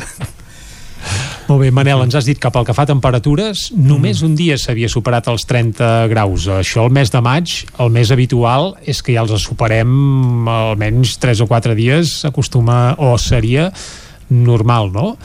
Fins i tot recordem el mes de maig de l'any passat que jo crec que va ser força calorós ja recordo ja haver tastat alguna piscina, aquest any no m'hi ha ni, ni acostat. Uh, és habitual ja al maig superar els 30 graus o això és el canvi climàtic que ara sembla que ens hi anem avasant No, a veure, si fem una repassada de les dades ara no es porto aquí però segur que en trobaríem de 30 graus més d'una vegada però no penso, seria sempre cap, al, cap a finals de mes. A finals de mes de maig sí que pot arribar doncs, als 30 i superar els 30 jo crec que, ara t'ho dic de memòria però hi ha un 33-34 graus. Deu fer uns 3 o 4 anys que va passar. Uh mhm. -huh. i em sembla que és la més alta o de les més altes que tenim en un mes de maig. I d'altres que, que són doncs, molt baixes de 23-24 graus també també n'hi ha, eh? vull dir, n'he trobat, trobat alguna. Vaig fer una repassada general per alt i, eh, i tenim una mica de tot el mes de maig el mes de maig, el mes d'abril, maig és quan ja comença doncs, a canviar no? que ja, entren, ja han entrades d'aire fred encara però la, el sol escalfa i és quan doncs, eh, bueno, tenim aquests ruixats eh, o sigui, és un mes, són dos mesos molt variables uh mhm. -huh. i, i en canvi el que és el, el, bueno, el maig al mes de juny ja és, ja és més de tempestes no? El fet que l'aigua del mar encara estigui fresca també deu ajudar eh, a alimentar quan hi ha aquests contrastos d'aire calent al mar fred. Això és un tòpic o és real també? Home, el, el mar a veure, en aquests moments estava un, entre 17 i 19 graus. O sigui, va anar pujant de mica en mica. Vull dir, ja comença potser pot posar els peus ja bé. Això divendres ja, ja l'has tastat o no? no, divendres ah, tornava a dir. divendres ho faràs divendres m'hi faran anar, em sembla. M'hi faran anar. Hi va per força. M'hi faran anar no, no, soc de, no soc de gaire ets més de terra endins. és home d'aigua dolça. No, home, a veure, de, no sé jo de a la banda de, de l'Estartit ja si hi ha muntanyes ja, si em fots allà a la platja estirat eh, això no. que són platges molt maques de Tarragona, no, eh? això mateix a fer de secretari, això sí que us rebenta eh? doncs escolta, avui a la portada del diari Ara veiem doncs com a Brighton la platja està ja plena de gent a Brighton? sí Oh, això queda bastant lluny, eh? Sí. I bastant amunt, i bastant amunt. Sí, sí, ah, per això, això no? que, que allà fa més fred que aquí. I, Evident. I està, doncs, la platja, eh, ahir, que era festiu, doncs, ple de gent, doncs, banyant-se a la platja una platja atapeïda, atapeïda. Bueno, aquests deuen estar més acostumats al fred. Ah, sí, esclar. Eh, a les illes britàniques estan acostumats al fred i a la pluja, sí senyor. On venen els suecs aquí, els, fa fred i els veus tots amb màniga curta. Exacte, lògic. Uh, exacte. Uh, sí, Això passava amb una jugadora del, del, del Fotofrix, en aquell moment Fotofrix Vic TT, mm. que era de Suècia i que la veies córrer per aquí amb màniga curta amb el fred que fa a l'hivern a la plana de Vic. Bé, cadascú s'adapta al seu entorn una mica, sí, sí. eh? Aviam, el Manel ja ens ha avançat que divendres anirà a la platja. Uh, això vol dir que ja s'ha mirat una mica el temps que ha de fer aquests propers dies, eh, Manel? I si vas a la platja no t'hi trobaràs pas un aiguat, suposem que això ja ho has mirat, eh? Uh, què, què hem d'esperar per aquests propers dies? Aquests propers dies hi ha, hi ha aigua, eh, per cada dia. Ah, sí? Ara, pla. El divendres veurem què passa. Poder és el que menys, eh, de cara a divendres Eh, sí, plogims, alguna es pot escapar, tot i que les temperatures estaran suaus, es mantindran entre els 26 i 27 graus. És a dir, no venen I, calorades ni no, fins a, si fem importants. repassada de juny, fins a partir del 15-16 de juny, entre, el, entre els 16 i els 20 de juny, que es podria superar ja els 30-32 graus, uh -huh. però fins a aquestes dades es veuen màximes de 26-27 graus, com a molt, molt altes. Uh -huh. Si no passa res de l'altre món, i es veu que les, predic les prediccions uh, sí, sí. Uh, ja sabeu que penso. Uh, una setmana vale. però bé, no, més o menys. No t'atreveixes a eh, pronosticar si tornarem eh. a tenir un juny com va passar doncs, fa dos o tres anys, que hi havia unes temperatures rècord en els últims dies de juny. No crec que tinguem rècords, però home, cap als últims dies de juny sí que ja poden arribar als 33-34 graus, uh -huh. però no crec que siguin molt, molt altes aquest mes de juny. Eh, I perquè fa precipitacions, sembla que seguirem una mica al maig, el que passa que el mes de juny es passa el que, el que és normal, creixen nugulades i en un lloc et deixaran 40 litres i al costat no farà res o sigui, són, són ruixats d'aquests dispersos irregulars amb tempesta o calamarsa o pedra que pot, pot ser-hi però per mig són uns 8-9 dies de, de precipitacions en el mes de juny més o menys uh -huh. i eh, o sigui, fent una repassada de l'1 al 8 doncs, bueno, hi ha aquests dies que us deia que pràcticament cada dia doncs, hi haurà un ruixat uh -huh. eh, parlant d'aquesta setmana però són d'aquells de, de tarda, eh? És a dir, sí, més sí? de tarda. Algun dia al matí també, però serà poca cosa. Sembla, sembla poca cosa. Vas a posar entre cometes perquè... Saps sí, no es si... pot dir mai d'aquesta aigua no en veuré ni aquest ruixat no, no entra una mica d'aire fred i ja tens el ruixat. Bueno, això són ruixats locals, ja et dic, eh, molt dispersos i regulars.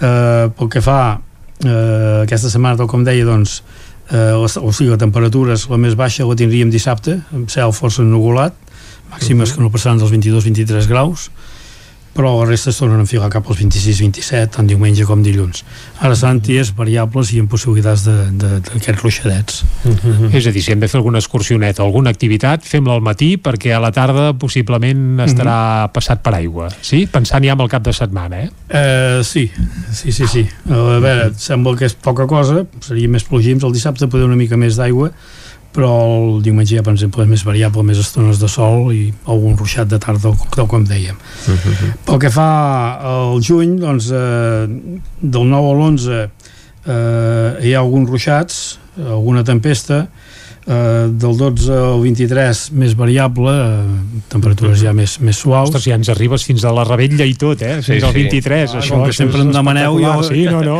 llavors em formaran crits, però bé, no, no. ja que més o menys serà això, eh? veurem, veurem si passa o no passa. Va, anem a la Rebella. La Rebella eh, passada doncs, per aigua o no? Eh, a veure, el 24 i 26 eh, hi ha algun ruixat, eh? Carai!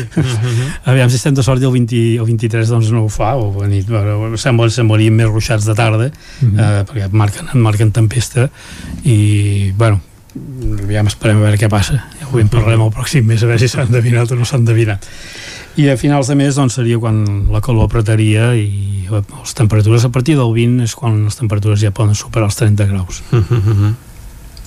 déu nhi hem fet un repàs al maig i ja sabem gairebé el temps que ha de fer durant tot el juny, eh? Uh, traiem Home, la feina aprofita que és la Costa. seva última visita de la temporada. Clar, és veritat. Uh, és veritat, sí. Sí, sí, clar, el, jul, el juliol ja no hi serem a Territori 17, això és, és cert, és cert. Uh, per tant, ja gairebé li podríem demanar per l'estiu i tot, eh? Hem arribat a Sant Joan, però clar, ja parlar del juliol i l'agost, Manel, això és molt, molt agosarat, eh? No, mira, calor... Home, hi ha aquests models que treuen els americans i tot plegat que a vegades s'atreveixen eh, a fer pronòstics mm. ja dos mesos vista, però suposo que ara mateix fa de molt mal predir què pot passar al juliol, per exemple, ja no diguem a l'agost, eh? No, bueno, de totes maneres, aquests tres mesos que dieu, aquests que, els que fan els americans, he fet una repassada i, i sí, bueno, et marquen lo típic, eh, ruixats de tempestes de tarda, i temperatures eh, no seran, seran, seran més altes que l'any passat -huh. que són les màximes diu que tendència a pujar i no massa aigua diuen per Però, tant, amb el poc que ha plogut aquesta primavera haurem de patir pels boscos aquest estiu? Mm, podria ser, eh? aquest estiu pel, pel que, pel que m'he interessat i ho he demanat eh, i d'allò m'han dit que, que uh -huh. seria doncs, eh, m'han passat, passat més el juny que no pas els altres mesos uh -huh. però sí que m'han dit que el juny podria ser sec i, i amb més calor partides a la segona quinzena, però bueno, mm -hmm. tampoc res de, de l'altre món. Ara el que és el juliol i agost, la tendència és a pujar temperatures, bueno, ja és normal, mm -hmm. però que pot ser que faci, faci molt de més calor que no pas el que era l'any passat. Mm -hmm. O sigui, hi ha molta, penseu que ha plogut molt aquests uh, últims 3 anys i el, bueno, el bosc està, si us hi passegeu... Hi ha molt sotabosc. Hi ha molt sotabosc, això mateix, mm -hmm. i és perillós sobretot si s'asseca, per tant esperem que mm. aquests ruixats ajudin a mantenir verd els nostres boscos i que no hàgim de patir uh, per incendis forestals durant l'estiu l'any passat pràcticament no n'hi va haver però clar, estius com el de l'any passat n'hi ha pocs també, eh? Pocs, sí, aquest any sembla que, que serà pitjor serà diferent serà la cosa mm. Manel, t'hem de felicitar també, eh? perquè fa uns mm. quants dies ja ens ho vas avançar l'última visita que ens vas fer aquí a Territori 17 i és que el Servei Meteorològic de Catalunya eh, va celebrar el seu centenari, 100 mm -hmm. anys de Servei Meteorològic i precisament fa uns dies a Vic vau presentar eh, un llibre commemoratiu eh, crec que amb la presència de, bé, fins i tot de la Pilarín Vallès, perquè un dels llibres commemoratius és d'aquest fet amb vocació pedagògica per tots els mhm. públics, amb il·lustracions de la Pilarín, oi que és així, eh, Manel, sí? Sí, Manel ens ha portat aquí dos llibres, mhm. un de molt gruixut i el de la Pilarín. Comencem pel de la Pilarín, comencem pel de la Pilarín, que així... Eh, la Pilarín és, és, és més petitet, és més prim, mm. però està molt bé, hi ha les típiques il·lustracions de la Pilarín, de dir que aquell dia, doncs, eh, bueno, hi havia bastanta gent, mm -hmm. bueno, la gent que hi podia cabre en allà... O sigui, va fer la sala modernista sí, del casino, eh, sí, la presentació sí, sí. del llibre. I va estar molt bé i, bueno, eh, el Pilarí amb el seu barret com sempre i simpàtica com sempre uh -huh. i ens va doncs, sempre bueno, fa cara de bon temps la Pilarín sí és veritat sí, sí, eh? encomana bon temps encomana, i encomana el sol sí. encara que faci núvol sí. tot i bueno doncs i, i ens va, bueno, fins i tot ens el va dedicar i tot la, la dedicació meva bueno, és una mica especial. Ja te la pots, te la pots pensar. Va, la podem llegir o no, Manel en sí, directe tant. aquí va? Bueno, més que res el dibuix. Uh, sí, però en Manel que és la vella més amable que ha tingut la ciutat, Pilarín Clar, recordem que Manel Dot, a part de ser meteoròleg, aquí, eh? és també... Dibuixat amb el cap gros de Home, la vella. impressionant, és també el portador de, ser... històric de la vella, en aquest cas un dels tres capgrossos que té la ciutat de Vic. Va, ser, va ser un detall molt maco, I tant.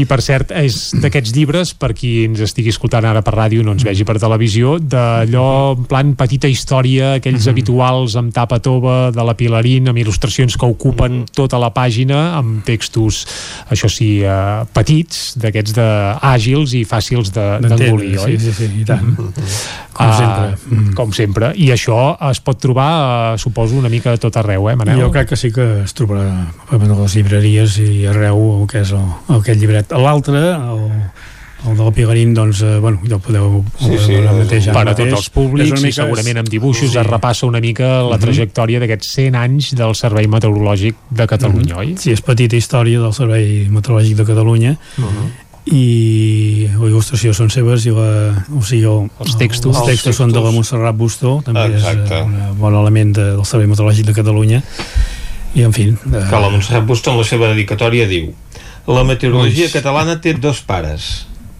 ah, en Font Seré i en Manel Dot. Carai. Va, pas, va passar aquí, eh? Carai. Doncs ja està, queda dit, queda dit. Un és al ah. cel i l'altre és a la terra. Per sort, i tant, que duri. Esperem que duri, sí. Hi ha molta feina aquí baix. I, Manel, citem també eh, l'altre llibre, el primer és aquest de la Pielarín, que es va presentar fa uns dies, recordem-ho, la sala modernista del Casino de Vic, i eh, hi ha un segon llibre també que fa referència a aquest centenari del Servei Meteorològic de Catalunya, eh? Sí, aquest ja és el gruixut que deia Vicenç, i és un pues, repassar el mateix. Que també és per tots els públics, però sí potser que- pels infants ja costa més d'engolir, eh? Bueno, aquest eh, pot haver problemes per trobar, perquè em sembla que de moment no es ven. Eh, S'ha fet més de cara... és que si doncs, s'ha de vendre eh, Eh, eh, sí. eh, deu tenir el seu cost perquè és un llibre molt ben fet, Mm. molt ben editat, en paper molt bon, tot de fotografies en color, excepte evidentment doncs, l'època més antiga que les Mm. imatges són en blanc i negre però realment eh, aquí trobem un llibre de molta, molta qualitat de, uns, de dues, més de 200 pàgines 100 anys mirant al cel. Mhm. El títol també té, té gràcia, i tant Hi ha, que un, sí. hi ha un bon apartat també per Osona. Home, és Exacte, i normal. un mapa de totes les estacions meteorològiques i radars Mm. doncs, que hi ha arreu de, del, del país Hi ha des de la part antiga fins a la més moderna. Mm. Has dit, Manel, hi ha una part que parla d'Osona i és que Osona ha tingut un pes molt important amb aquests 100 anys del Servei Meteorològic de Catalunya i encara ara, quan a vegades engolim les informacions que es fan d'àmbit nacional a les televisions, per exemple, públiques, Osona sempre hi surt. És a dir, no sabem per què, però el lloc on hi ha més fotografies, més meteoròlegs i més, i més informació i més variabilitat, gairebé sempre és Osona. Què té Osona que no tinguin altres comarques de, de Catalunya, en aquest sentit? Home, uh, sí que sabem per què. Sí? Clar, hi ha Eh, una tradició que ja ve de 100 anys i segurament més enrere i tot, eh? I ara, abans de que em passi per alt, deixa'm recordar que el que va dir la Pilarín Vallès, Mhm. que quan es va fer, eh, que aquí hi ha la fotografia també, de, es va fer el, el, es va celebrar el 75è aniversari de, de, bueno, de les proves que es van fer de la inversió tèrmica, que va venir l'Eduard Fonsera, el director hi havia l'Eduard Fonsera, hi havia el Prat de Saba, també, o, que era l'astrònom, que va ser, Mhm. també va ser un dels primers, bueno, va ser el primer que va muntar les estacions meteorològiques aquí, aquí a Vic, i va fer, la- va fer el, i va fer el, o sigui, el, va fer la xarxa la xarxa meteorològica d'Osona que tenim ara doncs la va començar ell eh, aquí cap al, dos, al 1915 o por ahí. Doncs eh, la Pilarín Vallès ens explicava que el seu pare hi havia col·laborat amb ells a ajudar-los a, doncs, a fer el muntatge aquest eh, bueno, en fi, a col·laborar-hi eh, hi havia ell, hi havia el Prat de Saba hi havia el, el, bueno, el pare de Cazador de, de Sant Julià també. I en aquí el, per què hi ha tanta afició doncs és perquè bueno, és un, tenim una comarca doncs, que estem, no estem ni a mar ni a muntanya estem entremig i a més a més envoltat de muntanyes i això fa doncs, que, que els fenòmens meteorològics es donguin doncs, eh, bueno, pràcticament tots excepte els huracans de moment. La resta quasi bé els hi tenim tots. I això fa doncs, que hi hagi doncs, tanta afició a la meteorologia Doncs ja ens queda clar. Uh, Manel Dot, ho hem de deixar aquí. Moltes gràcies per acompanyar-nos avui i també durant tota la temporada aquí a Territori 17, perquè com bé deia en Vicenç, segurament aquesta serà la darrera visita de la temporada. Recordem que Territori 17 acabarà el 25 de juny la temporada. Per tant, Manel, molt bon estiu. Gràcies a tots vosaltres i als oients i que bé, que vagi tot bé. Que, que fem calor, calor, però que també plogui. Ah, t'esperem al setembre, eh? si tot va bé, fins al setembre. tu vés recollint les pluges que després te les demanarem Cap problema. I si no, ja sabeu, podeu entrar a la pàgina web de Meteozona. Meteozona i trobareu totes les dades. Moltes gràcies, Manel, moltes gràcies. Gràcies, Manel. Nosaltres ara arriba l'hora de posar el punt i final al territori 17 d'avui. Un territori 17 que avui hem fet. Clàudia Dinarès, David Tauladell, Caral Campàs, Isaac Muntades, Pepa Costa, Txell Vilamala, Dolors Altarriba, Xela Falgueres, Joan Carles Arredondo, Jordi Sunyer i Vicenç Vigues. Fins demà. Adeu. Ciao. Territori 17, un magazín del nou FM. La veu de Sant Joan Ona Codinenca i Ràdio Cardedeu amb el suport de la xarxa. El nou FM.